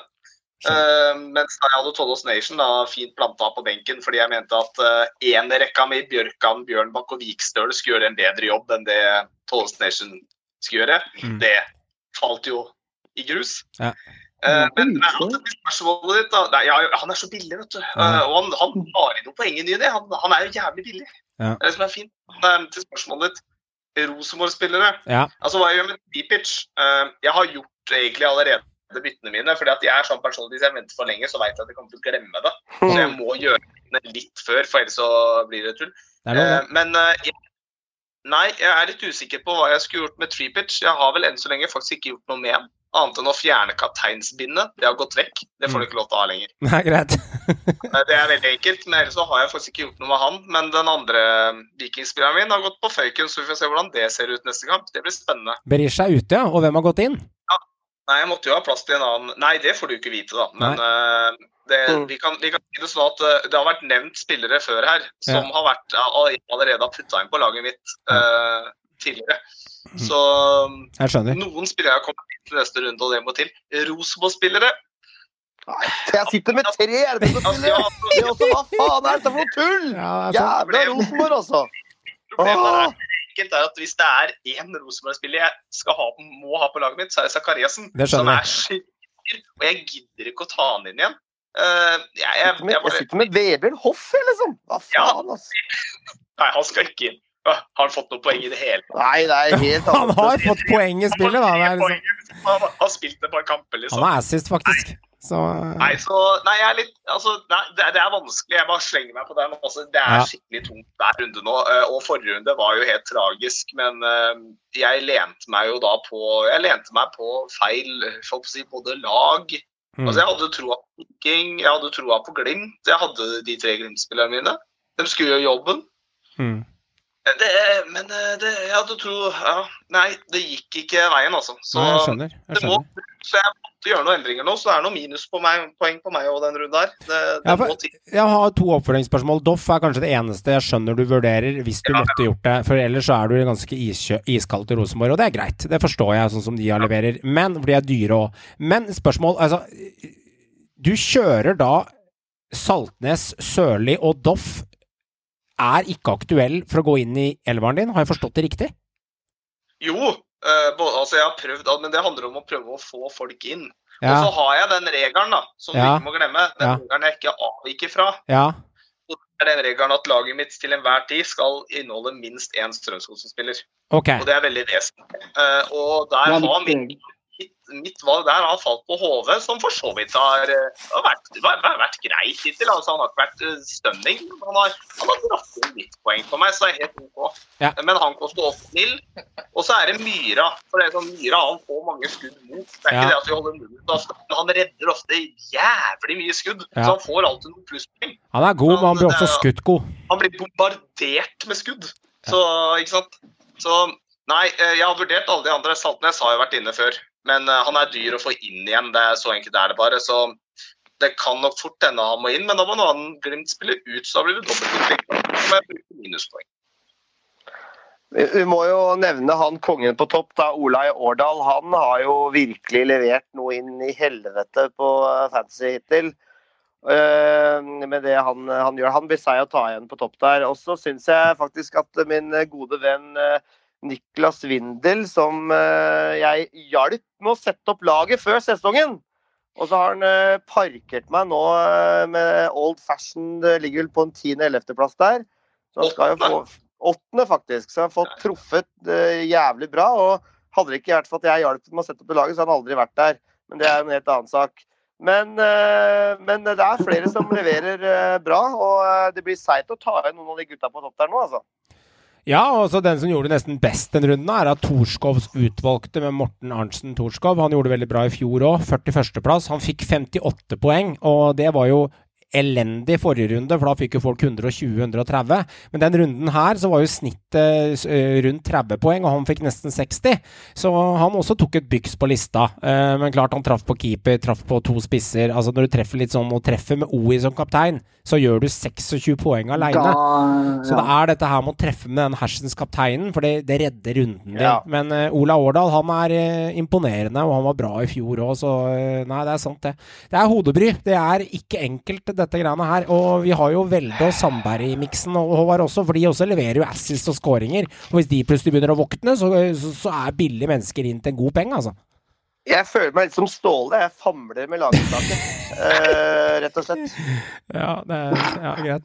Ja, herlig. Eh, et lag som også famla litt i, med, med hverandre og lurte litt på Det var skriking på straffe og røde kort, og det var jo litt eh, bikkjeslagsmål i den første Elve Classicoen, eh, Joakim. Men eh, 1-1 i denne kampen, hvordan følte du denne var, eh, var å få med deg? Og hele kjenslen til slutt der med at det blir poengdeling?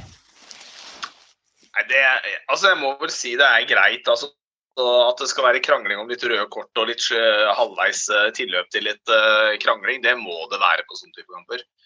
Men altså, det var en det var en grei kamp, og det var egentlig to lag som ville spille. De fikk hver sin omgang, som er veldig typisk når Godset spiller fotball. Vi er veldig gode i én omgang, og så velger vi å gi det andre laget den andre omgangen. Så vi er bare litt greie, da. Jeg føler det som er Godsets ting. da. Vi, vi, vi, kan, vi kan ikke være dominerende for lenge. Uh, Men nå bytta vi, da, for nå var vi faktisk veldig gode i første omgang. Og det er ikke så ofte. Vi pleier ofte å være veldig gode i andre omgang.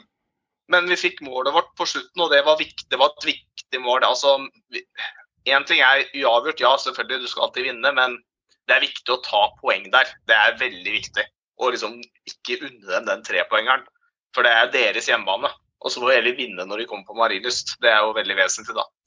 Mm. Men uh, det var en god kamp, en typisk derbykamp. Uh, og til og med jeg skal vel være innrømme at eh, det kortet til Gunnarsson skulle i hvert fall vært oransje. Jeg kan, jeg kan jeg, Blod. jeg vil ikke kalle det Nei, jeg, jeg, jeg vil ikke kalle det en åpenbar sjanse. Du hadde Bilsvik bak, og ballen var lang. Men ja, hadde, du vært, hadde det vært en hard dommer, så hadde vel det hatt en annen farge, det kortet som eh, kom ut der da. Det må jeg innrømme. Jeg vil jo trekke fram en spiller nå som eh, virkelig har hatt et litt sånn gjennombrudd, da. Det er jo Haldor Stenevik. Stenvik. Ah, Stenevik, som da blir matchvinner mot eh, RBK. Skårer sitt første mål. Han har drømt om det, sier han, og eh, drømt om det hver eneste natt. fordi Han har jo skåra de to viktigste Ja, kampene. ja. Han fikk Altså, jo spørs spørsmål etter RBK. Dette hadde du ikke drømt om. Jo, dette har jeg drømt om Ja. hver gang, liksom. Og, og så jammen meg så setter han en perleskåring mot uh, erkerivalen også. Og fy fader, for et klassemål det han gjør der. Det er, det er meget uh, pent. Og nok et uh, brannvrakgods som uh, aldri fikk tillit i Bergen. og som sendes videre, og som nå ser ut som en viktig spiller for godset. Som kan virkelig bare bygge videre på det han gjør nå. Ja, han, er, han er, har vært enormt god, eh, og han gjør veldig mye. Altså det er det som er det Altså det er med unge spillere. Det er litt den der, Han har den der fighterviljen. Du ser han, han gir aldri opp. Han har alltid løp på ball. Han er overalt. og Det er derfor han er der når han scorer òg. Han er der hvor han skal være. da. Han klarer å lukte de der eh, små mulighetene han kan få. Har brukt, ja. Rosenborg òg. Det er som å være den der personen som antar at å ja, jeg kan være tredjemann på den ballen. Det er noe, det, det, du har noe der, da. Da har du noe liggende. Når du er på den plassen, når én skyter, bommer, én skyter, bommer, og du står på returen, da har du lukta noe. Da, Han, eh, han har brukt tid på å slå gjennom, men eh, nå syns jeg han ser bra ut. eh, Og, og en spiller som du på en måte ikke har regna med på mange måter. for Han har liksom vært litt sånn stallfyll, for å være helt ærlig, men, men i det siste nå har vært veldig god. da, Og ikke minst da begynner å sette, sette viktige, viktige skåringer òg. Og da blir du helt i Drammen, da. Da blir du helt. ja, ja. Han Hove, Friday, Valsvik, der har du de fire gutta som skal redde dette laget fra nedrykk, hvis du ser på kampene som går nå. De fire der, de, det er de som skal redde dette laget fra nedrykk. Ja, altså Godset har jo Jeg sitter med følelsen du er kanskje den supporteren av oss fire, da. Som eh, selv om dere ligger på en tolvteplass med åtte poeng, så er kanskje egentlig mest kanskje noenlunde happy med åssen det har gått. Dere har en kamp til gode på noen i bunnen der òg. Dere har to kamper til gode på Brann. Eh, så det det er starta greit for Strømsgodset, selv om kanskje tolvteplass høres litt småstusslig ut. Men ut fra forutsetningene før sesongen, så er dette greit, Joakim, etter sju kamper. Ja, så Hvis du ser på statistikken, da, du må se på lagene vi har møtt. Det er Ja. nummer én. Altså, Vi har spilt borte mot Brann. Ja, Brann har, har vært søppel, det er greit nok, men poenget er at Godset vinner aldri borte mot Brann. Nei, nei, nei. Så poenget, så poenget er vi taper der. Altså, det, det spiller ingen rolle hvor gode vi er. Jeg tror til og med, var det, var det til og med Jeg lurer på om vi til og med tapte der i gullsesongen. jeg. Eller så var det sesongen før. Okay. Altså Poenget er at Godset er ikke gode på Rohan stadion. og det, det, det har vi aldri vært. Og så er det sånn, Den er unnagjort. Vi har unnagjort borte mot Glimt, fikk juling der. Og så er det sånn, ja ja, fair nok. Vi er, da er vi ferdig med den kampen. Ja. Vi har møtt Rosenborg en gang allerede. Kristiansund borte. Nok en drittkamp. Jeg skjønner. Og så greit, så har vi gjort oss bort litt da, med noe sånn der hjemme mot Tromsø, som er en sånn typisk kamp du egentlig bør ta poeng. Men ja, nei, jeg, jeg, altså, jeg skjønner hva du mener. Jeg er helt enig. Da tok dere heller Rosenborg enn Tromsø, liksom. Litt sånn. Ja, ja, vi, vi, vi slipper ikke inn massemål. Uh, tar du bort Bodø-Glimt-kampen, så er liksom, altså det er halvparten av målene vi har sluppet inn. Uh, ellers så har de vært ganske solide, ganske gode defensivt. Mm. Uh, og vi skårer OK da, og klarer liksom å holde på, holde på resultater. Og spiller bra, ikke minst. Så nei, jeg er happy. jeg. Er- jeg syns det er en grei start. Mitt navn er Fredrik Pallesen Knutsen, og jeg spiller for FK Haugesund. Dette er Synseligaen, podkasten av fans, for fans.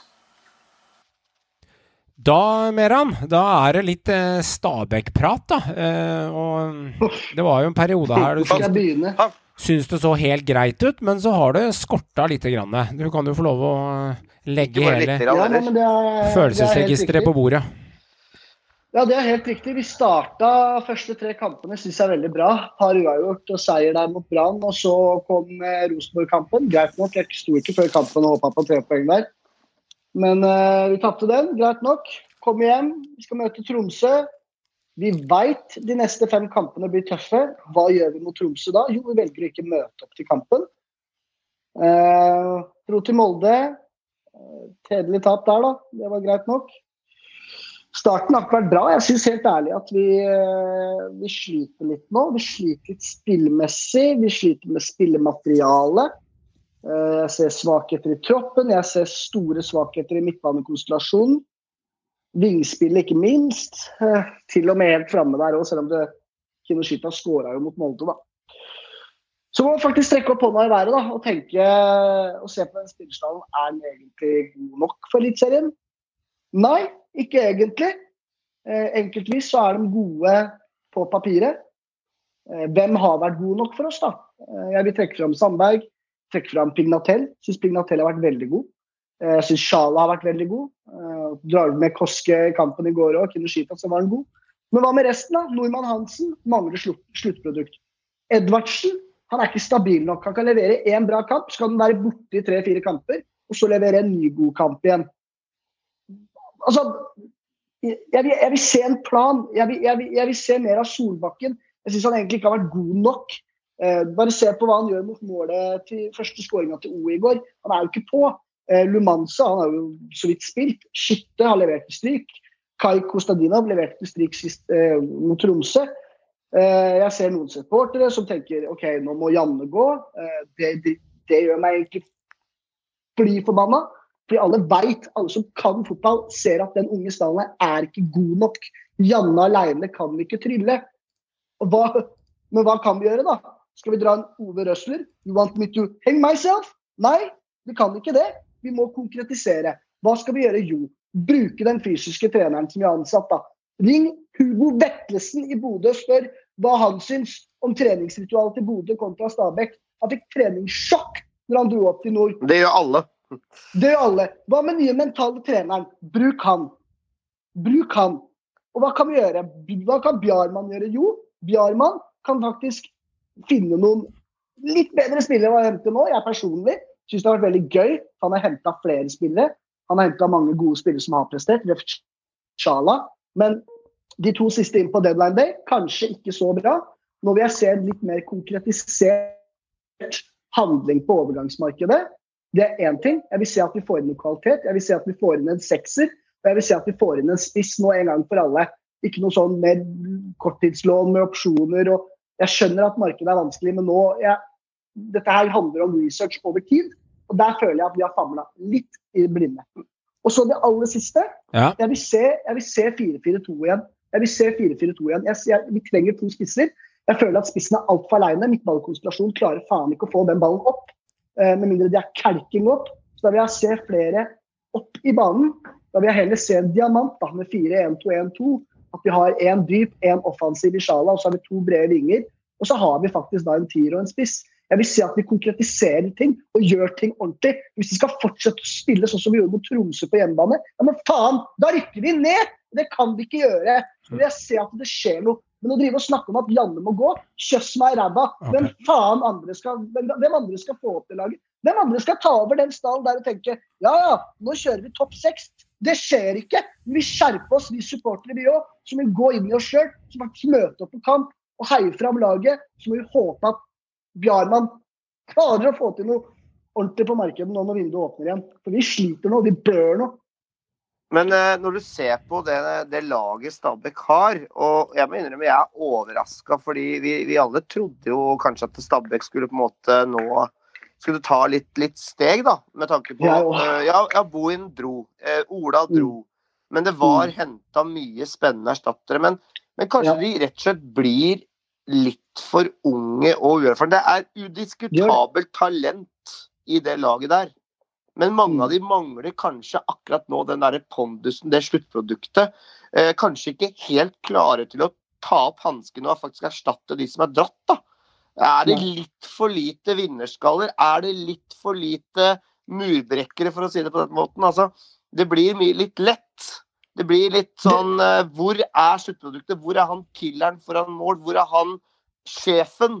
Eh, det er mye bra spillere i Stabæk, men jeg syns også Janne famler veldig med laguttakene sine. Eh, mye hit og dit.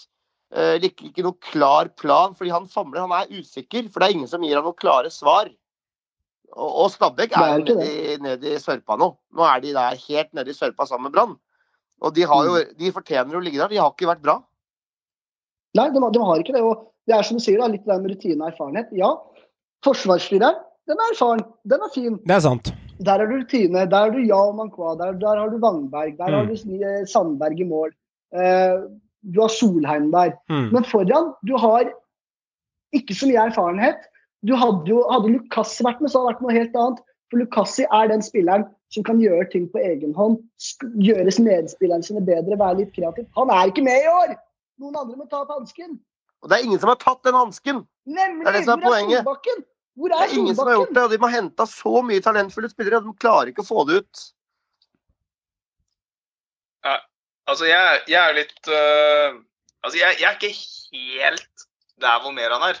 Uh, jeg skjønner at han er som fan, men jeg er liksom ikke helt der. fordi det som nå Håvard sier, de er nede med Brann. Ja ja, men de har også tre kamper mindre spilt enn Brann. Det har de. Det er et godt poeng. altså, de, altså, dem- dem- dem- altså, det er ikke det. altså Stabæk med én-to gode kamper nå, så er det midt på tabellen igjen. altså Det er ikke noe krise enn så lenge. De er ikke i noe sånn derre Altså, Brann er i en krisesituasjon, for de har spilt ni kamper og har fire poeng. Altså, Det er krisesituasjon. Eh, Du begynner å nærme deg Sarpsborg uh, var det i fjor, var det ikke det? Ja, Det er verre, det er verre enn Sarp. Ja. Det er verre enn Sarp. Fordi de på rad etter de tapte fem kamper. Ja, men eh, den, vi, vi kommer til Brann, men det statistikken Brann har nå Du må se terminlista til, vår- til Stabæk òg. Ja. Ja, men det jeg lyst til, ja, det er det jeg Joakim si, har et veldig godt poeng, da. For at, eh, Jeg- eh, har ja. det. Ja, ja, det er ikke noe krise, og det som er litt av poenget, da, det avhenger litt av hvordan Det jeg tenker avhenger litt av hvordan eh, Papajanne tenker, eh, Meran. Det er det som er viktig. Oh, han kjørte svensk. Det har han aldri gjort før. Det har han aldri gjort før. Første gang. Nei, ikke det? Jeg er på nå. Ja. Nei, fordi det som er at det har litt med det som Håvard er på, dette laget her, altså det er uten tvil mye talent i dette laget her. Poenget er, hvis tanken hans er, bare la dem få den sesongen her og overlev. For vet du hva, Meran? Kanskje du faktisk kan få Mm. en sesong hvor dere ikke må selge spillere etterpå. Dere må ikke selge de er beste spillerne. Men har, ikke vært, de? Nei, men De har ikke vært så jævla gode ennå. Mens neste år, med et år på baken, kanskje han da har fått til mot slutten av sesongen, fått til i spill, kommet i gang, redda greit nok. Dere drar til han ned på slutten og ligger godt greit plassert på en 12.-13.-plass. Og så neste Ja. år Ja, da er jeg så kan du Det spørs hvordan tanken er, da. Hvis tanken er at dette er laget her skal dra Stabæk til åttendeplass i år, da har du driti deg ut. Ja. Men hvis tanken er det å bygge på dette laget her, overleve Hvis det er tanken overlev, da er det ikke sikkert at det er helt gærent sånn sett. Nei, Det er det ikke. for min del så handler det om å overleve. For min Mm. del så handler det om å overleve. Det er sikkert noen andre som hadde målsetting om topp seks internt i Stabæk før sesongen starta. Men når du ser spillematerialet, så skjer ikke det. Man, grunnen til at vi stresser litt nå i Stabæk, er fordi at vi ser trenden. Det er en nedadgående trend og nedadgående kurve. Vi har Enga i neste kamp. Vi har Glimt mot Glimt kampen etter. Og så har vi Fana eh, i Jottevåg mot, mot Viking i, neste, i siste kamp der. i tredje kampen der, og Vi har ikke slått Viking siden Backstreet Boys var med i Millennium Tour i år 2000. Så jeg, jeg, jeg er litt spent på hvordan, hvordan vi skal dra med oss. Det skjønner jeg godt, fordi ja. Men det som er den store Du nevner jo forsvarsrekka med Wangberg, Kva og um, Solheimen og uh, Wangberg. Eh, og du, eh, altså, dette er Pignatella. De, har- de har jo en veldig, veldig eh, solid rekke der, både, litt på alder og litt med Legger du sammen alderen der på, i snitt versus resten av stallen, så er det ganske høyt alderssnitt bak i rekka der. Men det syns også litt på målforskjellen deres. Fordi at eh, Ja. eh, dere har sluppet inn elleve mål på seks kamper, og det er ikke så halvgærent med tanke på resten av laga i bunn. Og det kan begynne å redde Stabæk litt. Ja, dere har skåra sju, men dere har også bare spist seks kamper. Eh, så, og det er heller ikke så halvgærent versus de andre. Så hvis dere klarer å begynne å tette igjen litt, da, som de gutta her er kjent for å gjøre, eh, så kan det hende dere begynner å karre ut noe 2-1 og 1-0-seier etter hvert, og som begynner å gå oppover. Og det skal ikke mer enn én seier, én uavgjort og et tap til i de tre hengekampene mot Brann, så har dere fire poeng på de eh, ekstra, pluss et ekstrapoeng. Da har dere fem poeng å gå på. Så da er dere oppe og danser på niende-tiende. Så jeg lener meg litt mot Joakim. Ikke helt krise der enda, men hadde vært supporter så hadde jeg mista nattesøvnen. Men jeg skjønner hva du mener. Så, men eh, Håvard, et lag som eh, I hvert fall det er noen som har begynt å miste nattesøvnen eh, i Bergen for lenge siden. Og det kommer jo forslag fra høyre og venstre på nye spillere og hva som skal gjøres og ikke gjøres. Og noen mener treneren må gå, og andre mener treneren skal sitte. Og nå må vi spille med Heggebø, og nå skal Bamba ut, og nå skal han spille, og nå må han der. Altså Det er jo et kaos uten like. Og eh, hva tenker du selv, sånn som det står nå? Jeg skjønner at eh, du har sagt til meg at eh, det er ikke så langt opp til de andre laga, men det er dette har spilt ni kamper, og, og det, det er jo alltid en sånn ekstra ripe i Ferrarien, da. Nei, altså Når vi fikk den forløsende seieren mot uh, Godset, um, og da hadde vi da tapt uh, seks strake Ja. Men til tider, da, uh, så ser du ser jo også bak resultatet på kamper. Du ser på spill. Uh, og i en del av de kampene vi hadde møtt liksom, man, man liksom lener seg litt på at man har møtt veldig tøff, tøff motstand. da. Men så ser du nå at ja, du har slått Godset. Du det er en solid kamp, og du har tatt poeng mot uh, Trause og kjipe Sarpsborg. Men så kommer du så til de grader ned på jorda igjen når du taper da 3-1 hjemme mot et ganske sånn litt sånn blodfattig Odd-lag. Uh, da er det liksom fare på ferde, da, for det er de kampene der du må vinne. De kampene må du vinne når du har fått den starten der. Eh, og jeg tror det var et sånn skikkelig slag i trynet for Kåre og, og laget, egentlig, og oss som fans. For vi er liksom virkelig nede i møkka. Det derre nedrykksspøkelset, det, det blinker så sterkt som det aldri har gjort uh, altså siden de rykka ned sist. Altså Det er nesten verre nå enn det var da. Det, det er ikke tull engang med poenga. Det er verre poengfangst enn under Nordling. Og da rykka de rett ned. Så jeg begynner å bli alvorlig redd for nedrykk. Eh, men jeg klarer ikke helt å ta det innover meg heller.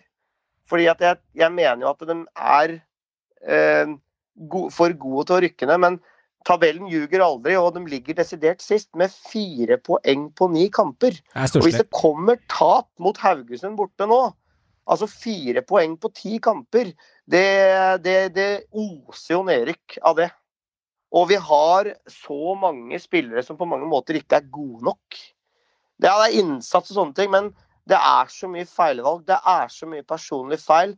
Det er, vi har en spiss som Jeg er så drittlei den spissen vi har på topp der.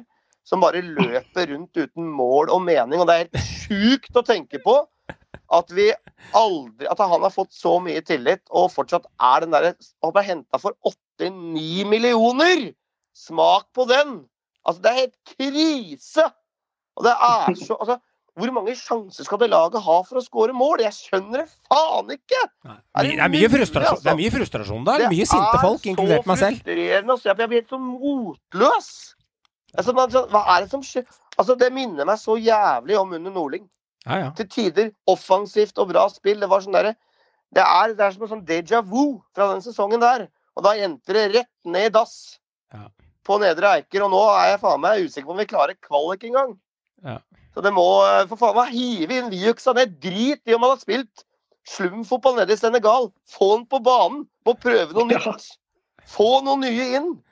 Altså, det, er, det, er, er tabber på tabber overalt, over hele linja. Ja. For man må ha utallige sjanser for å skåre mål. Nei, jeg blir helt eh, motløs, altså. Rett og slett. Jeg skal la være å snakke om spillerne til Brann. Det tenker jeg at, uh, føler jeg at Håvard har dekket, dekket ganske bra hittil. Uh, men altså det som skal, og det skal påpekes, da, men jeg er helt enig med Håvard. fordi ja, Det er et problem, og det store problemet er at de tre nærmeste lagene har tre kamper mindre spilt. Det er et problem. er, og, og de ligger helt i bånn. Og, de Og de har laga allerede- tar poeng òg, ikke sant? ja. Selvfølgelig gjør de det. Altså, altså, du kan si Stabæk har tre harde kamper nå, men det, altså, om de tar to poeng, får to uavgjortkamper der, og havner på sju poeng, så er de fremdeles tre poeng over Brann. Ja. Det er Og så vinner. Sandefjord da hjemme mot Viking. 3-0. Sandefjord tar poeng. Ja. Mjøndalen tar alltid oh. poeng. Mjøndalen tar alltid poeng i en eller annen drittkamp her og der. De tar alltid noen poeng. Og det, og, og så Hvem skal vi forbi, oppover, liksom? Hvem skal vi Ja, forbi? det- Dette er jo sånn derre Det, det oser jo vanskelig. sisteplass. Det gjør jo det. Enn en så lenge, så det gjør det. En, altså det oser sisteplass enn så lenge. Eh, Brann må De må Altså, hvis det er ett Altså, hvis det er ett Du kan drite i deg som Rosenborg-supporter som sier «Øh, øh, De slåss ikke om gull! Buhu! Da kommer du og griner om det, og så sitter jeg her og bare sånn Å, vi kunne så Tromsø hjemme. Meran også. Litt misfornøyd med starten. Men Ja. hvis det er en der som har rett til å klage, så er det uten tvil Håvard, fordi Ja. det, det, det ser blytungt ut. Altså, Nå, nå, nå Eh, håper jeg det, det jeg håper nå. Nå må vi faen meg bruke hele klubbkassa på å kvitte oss med han uh, udugelige Dauda Bomba på topp der. Så går med seriestart med Aune Heggebø. Bevare meg vel, han har gjort jobben. Han har fått sjansen, han unggutten der, stakkars. Det er urettferdig mot han. Mm. Han kommer fra Øygarden, som rykka okay. ned fra Obos-ligaen. Mm. Men gutta, Hør nå. Og så sitter du med Bamba, som, som liksom ja, vi, han, må, han må spille for han må skåre mål, fordi vi må selge den. Okay. Altså, De må bruke hele klubbkassa på å få tak i en ny spiss i sommer, så vi redder plassen. Det er faen meg det eneste som betyr noe. Ja. Jeg driter i utvikling! Du må redde plassen Nå er- akkurat nå. eh, men eh, over fra russekro til et spørsmål, Håvard. Hvem ville du hatt? Dino eller Bo Russekro, dette er jo fakta faen! Så enkelt er det. Ville du hatt eh, Dino eller Bamba resten av sesongen? Altså, jeg ville aldri hatt Dino. Nei, men vi må, vi må velge en! Du må, vi du må, må Ja, velge! hvis jeg, da, da hadde jeg valgt, eh, da hadde jeg valgt eh, Aune Heggebø. Ja, men Da har jeg ikke på lista! Du må velge mellom de to eller ingen. Ja, hvem velger du? Nei, det er, eh, jeg ville jeg vil ikke hatt Dino. Nei, greit. Så enkelt er det. ha Dino. Ja, Hvis jeg måtte Nei, velge jeg, jeg tror jeg hadde tatt Bamba til Rosenborg. Bakrom. Det er greit, det. Da har Ja, ja, han hadde putta der! Ja, det det, det det hadde han gjort, vet du. Uff a meg. Ah, det er ille. Nei, du, det, er Nå har det vært så mye klaging fra deg Omar, på den greia der, og det forstår jeg godt, at nå føler jeg egentlig at den fjerdeplassen Jeg føler meg ganske fornøyd jeg nå, med fjerde, Ja. så Rosenborg. Etter så ille. Du, lag, du lagde det helt, eh, helt nedgravstemning nå, at nå føler jeg meg Jeg er kjempefornøyd jeg, Det er bra fjerde. det ikke er Bygger- quiz i dag. Jeg bygger dere andre opp. Ja, du bygger oss Nei, Takk for det. Nå føler jeg fjerdeplassen er kjempeplassering, eh, når Joakim påpekte poenget.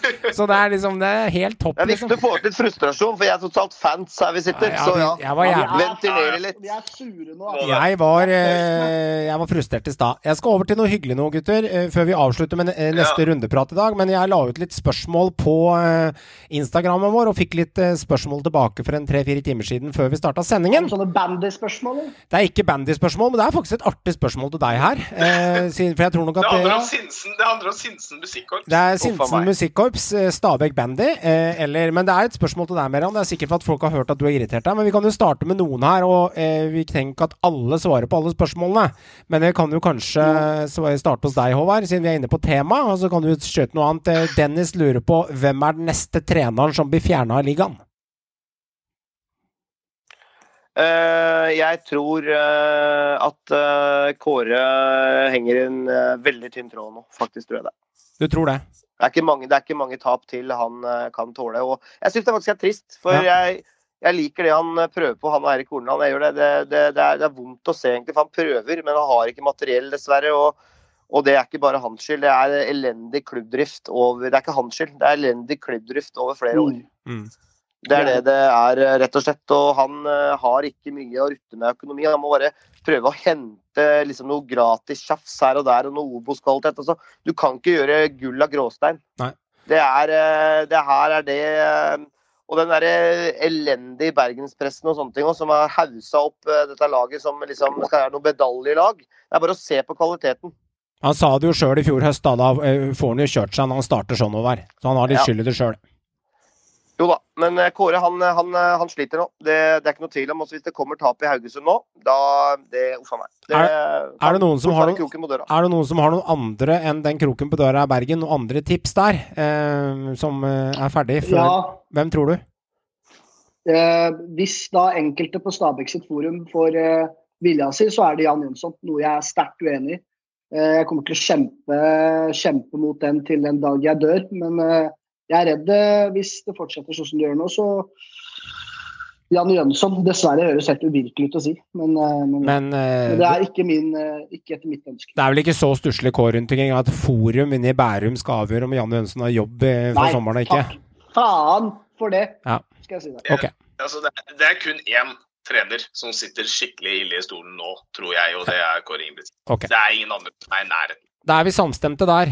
Det er eh, veldig greit. Ok. Eh, vi kan jo starte kanskje hos deg, Joakim, med den her, da. Kan du få den av meg? Vi, Erik Und lurer på hvilken spiller er mest underprata hos Molde?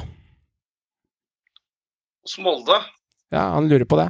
Han, hans tanker rundt Altså, det. Han har sikkert sine ja, egne er- tanker. Ja, altså det som er med Molde, syns jeg, er jo at det er jo litt sånn som Glimt på samme måte, at det er mye lag. eh, Men eh, altså den som har altså stått fram igjen, da, i år igjen, det er Aursnes. Mm. Eh, Altså er stabilt eh, god fotballspiller. altså Som liksom veldig lenge har på en måte blitt litt sånn overskygga av Wolf Eikrem og disse andre. Hestad et år som var eh, kjempegode for, vel i forrige fjor, for i fjor. Mm, Mm. Så, sånn, men han har liksom vært sånn stabilt god hele tiden. mm, med så under, altså Ulland Andersen i sin beste form ser man jo nå. altså Jeg vet ikke om han er underprata nå, men han ble jo ikke, nesten ikke brukt i fjor. Men det er klart han viser jo både i år og i våres før sesongstart at han, han har det inne fra godsetida, han. Han vet hva han driver med. Uh, så Mm. Ulland Andersen, kanskje. Uh, en spiller. Uh, ellers så altså Jeg føler liksom ikke at Jeg føler egentlig at å snakke om underprata Molde-spillere er litt sånn Ja. Fordi alle veit hvem Oldes, altså Oldespillerne altså Alle de er liksom altså, De er gode. altså Nesten hver eneste spiller i hele den troppen. Alle veit at de er gode spillere. Det er ikke noen underprata spillere. Men jeg vil kanskje si ja. Ulland Andersen, uh, Aursnes som kanskje ikke folk legger merke til på samme måte. òg. trekke fram en spiller nå som jeg syns er i meget god form. og Jeg tror fort at han kommer til å faktisk bli solgt. Eh, Det er OI. Jeg synes han, Nå er han på et jævlig høyt nivå. altså. Toppskårer i ligaen og starta litt uh, ræva med å bomme på åpent mål og sånn, men virkelig, virkelig tatt uh, spiss nummer én uten tvil der oppe nå. Skåret ni mål, og han uh, er hot nå.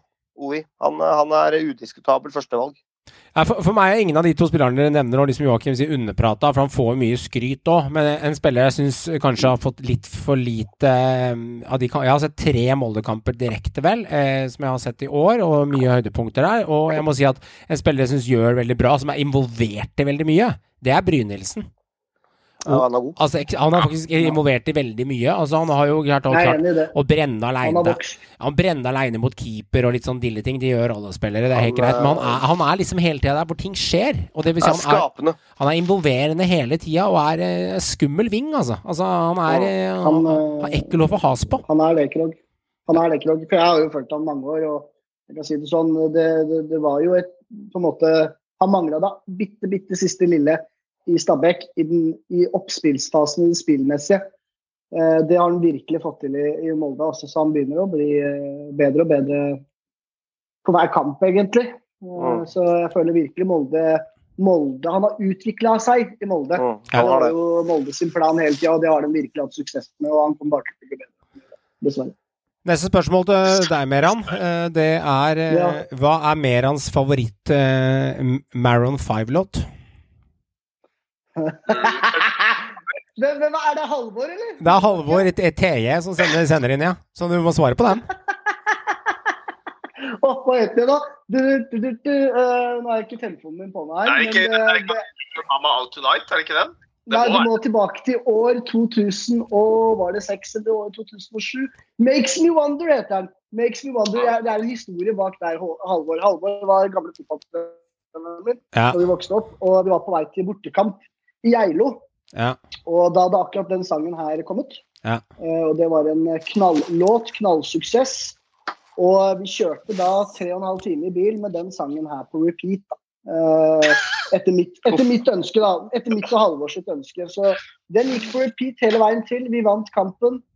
Eh, vi vant kampen 3-1, vel. Jeg skåra et år, husker jeg. Eh, om det var mot Gol eller Geilo. Vi hadde dobbeltkamp der. Må ikke ljuge for eh, mye og si at du skåra nå. Nei, nei, spør Halvor sjøl. Ja. og det er en knallåt. Maroon 5, 'Makes Me Wonder'. Ja. Det er før matchkamp-låt, for å si det sånn. Maroon 5 hadde faktisk en Grand Prix-sang for mange år siden nå, men uh, greit. Uh, de ble litt større etter det. Men uh, de, det, jeg tror de starta Ja, faktisk Grand Prix har en Jo, jo, jeg tror de hadde. Jeg tror de hadde faktisk Nei, nei, nei, er du helt er, borte? er? Grand, de er fra USA, jo, mann! Nei, ok, greit, da surrer jeg. Da surrer Nå er du helt på vidden her. Nei, jeg skjønte nå at eh, jeg prøvde å legge inn en sånn Faffa betaler bare i, Grand Prix-låt! Jeg prøvde å legge inn! Jeg Det er det sjukeste utsagnet jeg har hørt. Det er det sjukeste utsagnet jeg har hørt. Men når det ikke er quiz, når det ikke er quiz som vi sa forrige uke, så prøvde jeg å legge det inn i en vanlig setning, men det funka ikke. Den Ja, ble avslørt. Faen, det var kjipt. Det var kjipt. Det var i hvert fall The Voice, Johan. Det er der, du- det er der du har jeg ser ikke The Voice, men jeg skjønner. Eh, spørsmålet er, og det har vi et spørsmål Vi kan jo dytte den til deg, Håvard, og det er eh, Burde Åge signere Burde RBK signere Åge på nytt? Er sendt inn der fra Trympo. Og så er det et spørsmål til hvilken spiss bør Rosenborg hente? alle. Børven. Ja, det er fristende å si hente Torgeir Torgeir tilbake, men det kommer ikke til å skje. Nei. Gjør ikke det.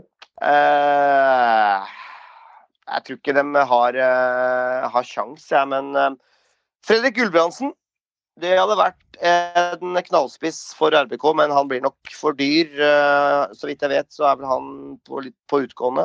Men det er vel også Åge sagt, at det er litt sånn drømmespiss. Ja. Men, eh, og han begynner jo å dra litt på Eller ikke året, han er ikke gammel, men det tror jeg hadde vært en eh, meget god spiss for RBK. Ja, litt lik Eh, Veton i spillestilen. ja, jobber knallhardt. Og, Ja. og det er nok sjans på å hente, men hvis jeg skulle sagt én, så er det Fredrik Gulbrandsen. Og, og jeg mener at RBK bør forlenge med Åge, for han er knallhard. Han setter krav, og han vet hva han vil. Men jeg er usikker på om han har lyst til å bli. Jeg, når på en måte, han, eh, reiser, sånn som Kjetil, han reiser ikke rundt i Norge og blir pissa på. Nei. Det gidder, det gidder han ikke. Men tror du, tror du den kjærligheten eh, er på vei til å visne nå i Rosenborg? eh, Mellom, eh, Koteng har jo sagt for en måneds tid tilbake at vi signerer signere ham på nytt, men til at fansen begynner jo å banke litt på døra og kreve sitt. Resultatet uteblir jo litt, og Åge begynner å lure litt sjæl. Han er aldrende mann. altså Tror du det begynner å visne litt i blomsterbedet her nå? Ja, jeg, tror ikke det, jeg tror ikke det er så mange tap til som skal til før dette her begynner å ulme skikkelig. Ja, Riktig. Så fra, fra begge hold. For jeg tror Åge blir uh, Dette gidder han ikke å være med på, på en måte. Han har den standingen og den CV-en han har. og Han er ikke interessert i noe nytt vikingopphold, han altså. Nei, det, det gidder han ikke. Det er han for gammel og får tjent for mye penger til, så det er han ikke interessert i. Det er ti år siden, Nei. ikke nå. Eh, så tenker jeg litt på dette med Rosenborg-spiss. Altså, ja, vi henter en sånn ganske etablert uh, utenlandsspiller, eksempelvis Gulbrandsen, som er en, eh, en liten longshot, men den kan jo stemme også. Og koster selvfølgelig litt å få hjem med lønn og alt. Men burde ikke kanskje Rosenborg lære litt om Molde der, Joakim? Og kanskje kjøpe spillere litt som de gjort med Fofana, litt med som de gjorde med OI. Klart skåra mye mål i Stabæk også, men hente spillere eh, kanskje litt fra Obos eller eh, re- rekker i Norge som ikke kanskje har slått helt igjennom ennå, istedenfor å handle Men på den øverste hylle. Ja, men De har jo henta Sæter og Widesen Poll. ja, De har gjort det, men poenget er at Og de har henta Dino fra nedre halvdel i, i Sverige. Så Men de har jo på mange de- måter gjort det, men de har ikke truffet. poenget. Nei, poenget er at de må hente riktig, og jeg tror mye av grunnen til det er fordi at det er ikke førsteprioriteten til Rosenborg. De, Ja. eh, de havner ned der når de ikke får tak i de to-tre spillerne de har satt seg som er, har et høyt nivå. Mm. Når de ikke kommer inn, så har de bare noen backup-planer. For jeg tror ikke de har Det jeg tror Molde gjør, er at de ser seg faktisk fysisk ut, disse spillerne, på forhånd. Mm. Og de vet hvilke spillere de vil ha. Og de Mm. har sett seg, de har speida på dem over lang tid, og de vet hva de er gode for. Mens Rosenborg virker mye mer sånn derre ah, Han leverte noen gode kamper i går. Vi tar han og prøver.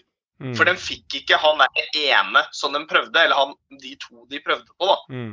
Mm, Eh, jeg Altså, ja, de må det, men da, problemet til Rosenborg er at da må de gå all in. mm. De må gå all in for den saks skyld, og det har de jo ikke tid til. Det ser du jo nå. Folk begynner å kreve hodet til Åge Hareide nå. De har ikke tid til det, for de har den fans, fanbasen de har, som absolutt ikke har tid.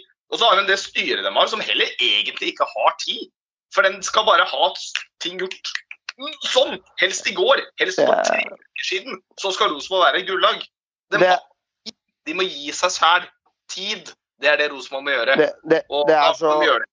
det er så dårlig håndtert. Den, de henta en etablert toppspiss i Norge. De henta toppskåreren i Ja. Det er sjukt. Ikke sant? De hen- de hen- Altså- det, det, dette her er bare sånn nok en Vi har sagt det mange ganger, men vi må si det igjen. For det er så håpløst, da. Du henta en 4-3-3-spiss, du henta toppskåreren i ligaen, og du kaster den nesten på dør. Det er, Ikke sant? det er fjerde det er gangen du nevner det. Ja. Ja, men, altså, det, men, det, men eh, altså, i den sammenhengen her så blir det så viktig å på en måte få det frem hvor håpløs klubbdrift det er. Nå sitter det en svenske som ikke skårer, Elendig. og eh, det er håpløst. Du kan Jeg, like gjerne hente Markus Pedersen. ja, jeg Altså, det spiller ingen rolle hvem du. Du kan like gjerne hente han. Han kommer til å skåre mer mål enn Dino, kan jeg garantere. Du kan i hvert fall Det er ikke langt unna. Men eh, jeg mener at eh, RBK må hente en etablert toppspiss som vet, som har prestert, eh, hvis de skal hente noe på Og da må de putte 17-20 mill. i bordet, liksom Joakim er inne på. Ikke, putte- ikke 1-8, liksom. Så prøver de seg på Veton, for de, er jo ikke, de har jo ikke større fantasi. Det er det de kommer til å ende opp med, at de Ja. bruker by på Veton. Og da, da, har han blitt, han ett år eldre og litt dårligere, og så blir det en flopp i Rosenborg. Skal hente tilbake Botheim fra Glimt, liksom. Ja, det går Det- Det går. Han, han, han, går- han går ikke tilbake til Rosenborg, Ja. for han er såpass karaktertype at det gjør han ikke. Men, eh, men det, laget, det laget har en del å jobbe med på spillelogistikken, altså som andre lag, selvfølgelig. Men, eh, men det er eh, mye rart. Jeg gikk og kikka litt på dette spørsmålet jeg- og tenkte litt på det. og Så tok jeg noen par raske søk da, på unge spillere som er eh, eh, eh, enten norske eller utenlandske, som man kunne få til her. Og da dukket det opp én spiller som faktisk er litt interessant, som har spilt for U15, U16, U17, U18, 19, 20 og U21, og skårer ganske mye mål på U20-laga til Norge. Men han spiller i Vitoria eh, Geimares nede i Portugal, og det er sønnen til David. Nilsen. Noah Jeg har ikke i Sean nærheten til å få tak i. ja, jeg, jeg kikka på han. Noah Sean Holm. Eh, eh, he- Helt greit, liksom. Om han er sikkert ikke god nok, men han er 20 år gammel. Eh, og det er noen type spiller som et norsk lag kunne ha plukka opp og fått utvikla videre. Det kunne jo ha skjedd. Han, eh, han, er, eh, han er god. Han er, han er talentfull, han er for dyr, eh, tror jeg. Og skal få, altså, han, en god, han var i Leipzig nå, nå nylig og er i toppdivisjonen i, i Portugal. Så det, det tror jeg på en måte er en spiller det er vanskelig å få tak i. Men, men nå har vi snakka nok om spisser til RBK, men det er det, det, det, jeg, jeg, jeg vil tro at det er en spiss som er høyt på lista der i, i sommer. Ja, eh, enig med deg. Siste spørsmålet er, eh, før vi eh, avslutter, gutter, det er Veldes eh, kommentar til Søderlund i forbindelse med at Søder går ut og snakker om at Velde kaster seg litt for mye på banen. Samtidig så sier Søderlund at han har alle de tinga som skal til for å nå på et internasjonalt nivå, men han er nødt til å legge vekk de taktene hos seg selv. Meran. Han er litt hårsår, da, han Velde. Men samtidig, da. Det jeg liker med Velde, Ja. det er, det er veldig syk sammenligning, da. Men Kall det en veldig Michael Jordan light, light, light, light, light. Men han hører noen, slenger noe om han. Ja. Spiller ingen rolle hva det er. Er det noe negativt lada, så tar han det, krønsjer han det i en ball, og så gir han alt han kan for å gjøre en god kamp, så han kan trøkke det i trynet deres og si 'hold kjeft'. Det liker jeg med Velde, da. Det skal jeg faktisk si. Jeg, jeg, jeg liker det litt. Eh, og så liker jeg at han lar seg bli fyra opp så lett. Ja. Fordi det Søderlund sier, er egentlig ikke noe feil. Nei. Eh, men, men han tar det som det skulle vært kritikk. OK, la meg vise dem. Og det er, det er rart, fordi han, han trenger det for å prestere. da. Mm. Så det han må gjøre, er at han må jo dra bare ut på gata og be folk reise til helvete, og så havner nesten i bråk, så han kan spille bra hver eneste søndag. Det er det jeg føler eh, det veldig, veldig er som type og person. Da. Og det er litt kult. Du liker han. Ikke, men du skal ikke se bort fra det heller, da, at eh, det er en poeng med litt eh, det Sørlund driver med. da. Uh, altså Det ville vært rart om ikke Sørlund hadde en liten forskjellighet for hvordan det gikk med Haugesund. Det ville vært litt merkelig. Ja. Som Sørlund var litt sånn derre Ja, han kommer inn litt fra sida, kaster en liten sånn derre skeiv ball bare for å knocke den litt til og stramme den litt opp. Bare for å vite det at ja, ja, neste runde nå så putter han to mål, liksom. Mm. Bare for å fyre den opp litt. Uh, og det er jo litt sånn Er ikke det sånn vestlandsgreier? Det er mulig. Det er sånn, Det det. altså, er det helt sikkert. Haugesund spiller. Altså disse, de trenger, de skal fyres opp i Grindheim også, liksom. Altså, nei, Grindhaug i altså Det er jo sånn som liker å fyre opp uh, andre, bli fyrt opp litt. Altså være litt sånn derre Skal være litt sånn, da. Så ja, jeg, jeg, jeg, hadde, jeg, tror ikke, jeg tror ikke Velde tar det jævlig tungt, for å si det sånn. Jeg tror han bare tar det som et sånn lite stikk, og så. Og så blåses det litt opp i media, og så er det en case. Altså. Jeg tror det går veldig greit. Men hvis han blir litt gira for å vise at da, ok, fuck it, skal jeg score to mål neste runde, så hjelper jo det, da. Men litt melding må du tåle òg, tenker jeg. Altså, det er helt innafor. På Vestlandet så fyrer de hverandre med litt eh, kjeft og bakbein, men på Innlandet, der hvor Lene Olsen er fra, der tar de ikke straffespark, vi er redd for å brenne. Så det går litt på jordnærheten Ja. versus frekkheten. Så det, den, er litt, eh, den er litt fin. Neste rundespådom, Håvard, vi kan starte hos deg. Alle har fått to kamper, eh, så er det egentlig bare å fyre løs resultatene, så skal jeg notere. Og før vi går over til det, du kan gjøre deg klar, så kan vi jo se at forrige runde der klarte, klarte dere ganske greit. Altså, Håvard, du stikker av med to poeng. Du traff på begge kampene dine. Joakim tar ett. Meran tar ett. Eh, jeg tar to poeng eh, siden jeg traff på Vikings hjemmeseier, men jeg får dobbel siden jeg hadde én kamp. Og så stikker Joakim av med Glimt Godset hjemmeseier, ett poeng der, og Meran ett poeng. Så det er ganske gode poenggivninger forrige rundene som var. Ikke, altså ikke Hvem hadde jeg poeng på? Eh, Du hadde, poeng, du hadde poeng på Molde-Sarpsborg, bl.a. hjemmeseier. Og så hadde du poeng på eh, Sarp Brann eh, uavgjort. Du tippa 1-1, men det ble, en, ble jo en, eh, 0-0 der. Og da endrer det med at du Stikker av med to poeng. Ja, du stikker av med to poeng på den, så du fikk godt betalt der, egentlig. Og det samme gjør Joakim får poeng, Johan får poeng, Håvard får greit med poeng. Så den som leder sammenlagt på poengstillinga nå, er Håvard med fem. Meran, du har kara opp på fire. Jeg har tre, og Joakim har to. Så eh, sånn er det, og alle har fått litt poeng, så det er bra. Håvard, vi starter hos deg i neste runde, og du har Glimt, Molde og Haugesund Brann, Håvard. oi, oi, oi. Det er litt av noen oppgjør. Nei, jeg tror at uh, Glimt vinner 2-1. Jeg tror det blir eh, seier på Aspmyra hjemme der. Jeg tror de befester eh, den eh, tabelltoppen. Selv om Molde er også et meget godt lag, så, så tror jeg at Glimt er så sterke der hjemme at eh, de Og de er så ekstra gira og Glimt i de toppkampene. Riktig. Det er selvfølgelig Molde òg, men, men de feide jo Molde av banen der i fjor. Jeg sier ikke at de er ikke på det nivået men, det, nå, men de er fortsatt jævlig bra. De begynner å få virkelig opp dampen. Så jeg tror at uh, Glimt vinner 2-1. Og i Haugesund Ja. uh, Altså, jeg Fornuften sier jo nesten 3-0 til Haugesund. Men eh, følelsene, skal jeg tippe litt med det, så sier jeg eh, 1-1. Klassiker 1-1. Ja. Ok. Joakim, ordet er ditt. Ah. Altså, KBK Mjøndalen høres ut som den kjedeligste boka. Ja, den har du fått. Det, eh, det eh. Jeg er usikker på om det blir skåret mål i den kampen, jeg, for helt ærlig. men jeg, jeg tror det blir det. For jeg tror MIF de, de klarer å skåre et mål på KBK på en eller annen dødball. Men uh, jeg tror KBK ikke taper hjemme. Nei. Så jeg går for en veldig kjip en. Jeg sier den kampen ender 1-1. Ok. Mye safe her, merker jeg. Ja, 1-1, ja. ja. Er safing, er ikke safing. Det like gjerne ende 3-0, da. Altså, du veit jo ikke. Nei, det er eh, sant. Det er det er, K- det er KBK, liksom. Nei, ikke 3-0, da. Det kan hende 1-0. Sorry. Nei, sorry. Begge lagene er 1-0. gjerrig, så 3-3 er litt vilt her, kanskje. Ja. Ja, 1-1 høres jo greit ut. Ja. Og så er det Odd Tromsø, er det det? Jepsi. Altså, Kunne jeg fått en kjedeligere kamp enn Mm. Kristiansund-Mjøndalen, så får jeg Odd Tromsø etterpå. Det her går bare statisk nedover, og så putter jeg navnet deres. Så, sånn er det bare. Eh, jeg tror eh, Tromsø kommer til å slite hjemme mot Odd. Jeg tror bare Kenga kommer i gang. Så jeg tror de som putter han inn på fancy-laget, kommer til å få litt ekstra poeng. Ok. Eh, jeg tror Odd tar den ganske greit, men uh, jeg får lite trøstemål, da. Jeg tipper 3-1 til Odd, jeg. Okay. Jeg tror de tar en grei hjemmetager mot uh, Tromsø. Ja, Meran. Ja, Noterte jeg 3-1 til Odd over Tromsø. Ja.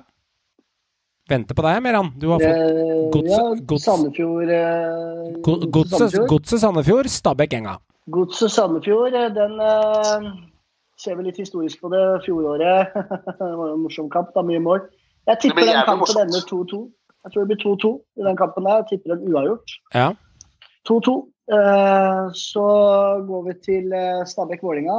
Eh, historisk så ender de kampene uavgjort. Enten 1-1, 2-0, nei 2-2, eh, 0-0. Jeg tipper likevel at den kampen ender 1-2. At Vålinga leder eh, 2-0 til pause, så skårer Stabæk i andre omgang. Og er negativt, vinner 2-1. Det er det. Det er det. 1-2 til Enga. 1-2 til Vålinga. Den er greit. Eh, Sarpsborg Viking. Eh, Sarpsborg flyr høyt. Eh, de får senka hjertepumpa denne runden her. Og Viking de blir jo flådd borte i Sandefjord, men dette er Eliteserien, eh, folkens. Så den kampen der den ender eh, 1-3 til Viking. Så der slår Viking tilbake.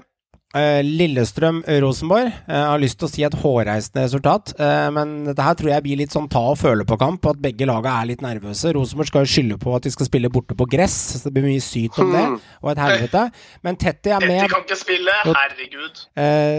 Tetty kan spille, for det er borte på gress. han kan spille. Han kan Det er spille. Gress, ja. Ja, ja, ja, det er kunstgress, selvfølgelig. Altså, ja. eh, nei, det er ikke kunstgress, det er eh, gress for tredje gang. Ja, det er gress. Ja. ja, ja. Så han kan spille, men jeg tror den kampen her ender med noe. Om Helland scorer eller Gjermund Aasen scorer, det kan fort godt hende. Men jeg tror det blir en litt sånn ta og føle på kamp, og mye følelser i sving, og jeg tror det ender 1-1. Jeg tror ikke Rosenborg er kapabel til å score så veldig mye mer enn det, og Lillestrøm får pirka inn noe tjafs på en corner og tåa på noe dritt. Så det ender med 1-1 der. Ogbu på corner. Gamle RBK. jeg kan godt hende. De- Helland skrur corneren inn. Helland skrur corneren på, på brass, brassespark. Det er brassespark og assist på Gjermund Aasen, og så kommer Ogbu Ja, ja. på huet. Så alle Rosenborg-spillerne er inkludert der. Så da ender det med 1-1-matchen, og så vinner eh, Viking 1-3 borte i Sarp. Vi har en hengekamp her, og Joakim, jeg har delt, delt hengekampen til deg. Så du skal få avslutte Synseliga-episoden med Glimt Stabæk, som kommer noen dager etterpå. Dagens siste ord, det kjører du igjennom. Ordet er Ja. ditt. Jeg har, så, jeg har så lyst til å være snill mot Meran, men eh, jeg tror Nei, det som er. Det som er problemet her, da, er at hvis Meran sin spådom og spådommen til Håvard går inn, så Glimt bare kan uh, ta en 2-1-seier, så kan de bare sitte og kose seg og trene på Aspmyra et par dager før Stabæk kommer på besøk dit. Da Ja. tror jeg Stabæk får det veldig tungt. Uh, jeg, tror ikke, jeg tror ikke det blir godsetungt, for jeg tror Stabæk uh, Jan Jønsen er litt mer taktisk enn det Vibe Lund og BP er, så jeg tror han kommer til å legge. Bak og faktisk demmer opp litt. Vibelønn er sønn, Janne er far. Er Men jeg tror uh, at uh, det blir tungt, en tung kveld for Stabæk. Det tror jeg. Uh, Skal du kjøre et Broll-resultat nå, eller skal du kjøre 3-1? ja, liksom? nei, nei, nei, jeg skal kjøre et litt Broll-resultat, for jeg tror det kan bli tungt. Jeg tror det Glimt-spillerne har lyst til å kose seg litt når Stabæk kommer på Da, da kan det løsne. Ok. Jeg tipper det. Hvis vi sier at de får et mål på slutten, Kinoshita putter på slutten, så blir det 5-1. Ja. Skåra to der i fjor, i 5-2-tapet. så jeg tenker at Kinoshita får et litt av mål på slutten av kampen. Kose seg litt, sånn som Godset fikk på slutten der. Jeg tror Hugo er gira på å putte òg. Hugo putter. Det er skrevet i stein. Ja. Det er mye spillere som skal putte den runden der. For å si det sånn, jeg tror, jeg tror eh, Botheim kommer til å putte tre. Så han kommer til å kose seg i den kampen.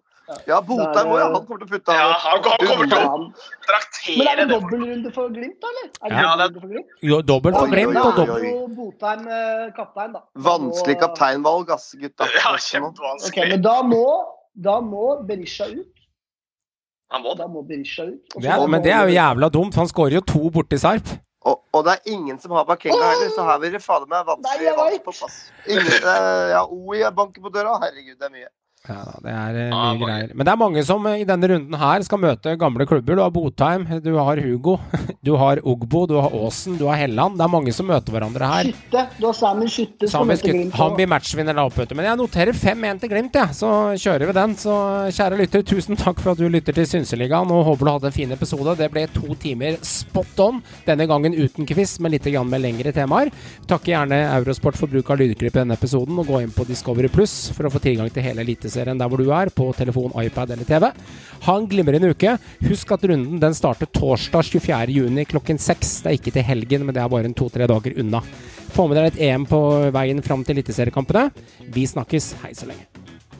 Men det er jo ikke sånn at bohemen etter Vålerenga på 60-tallet At vi kan spille med de på 2000, i 2020.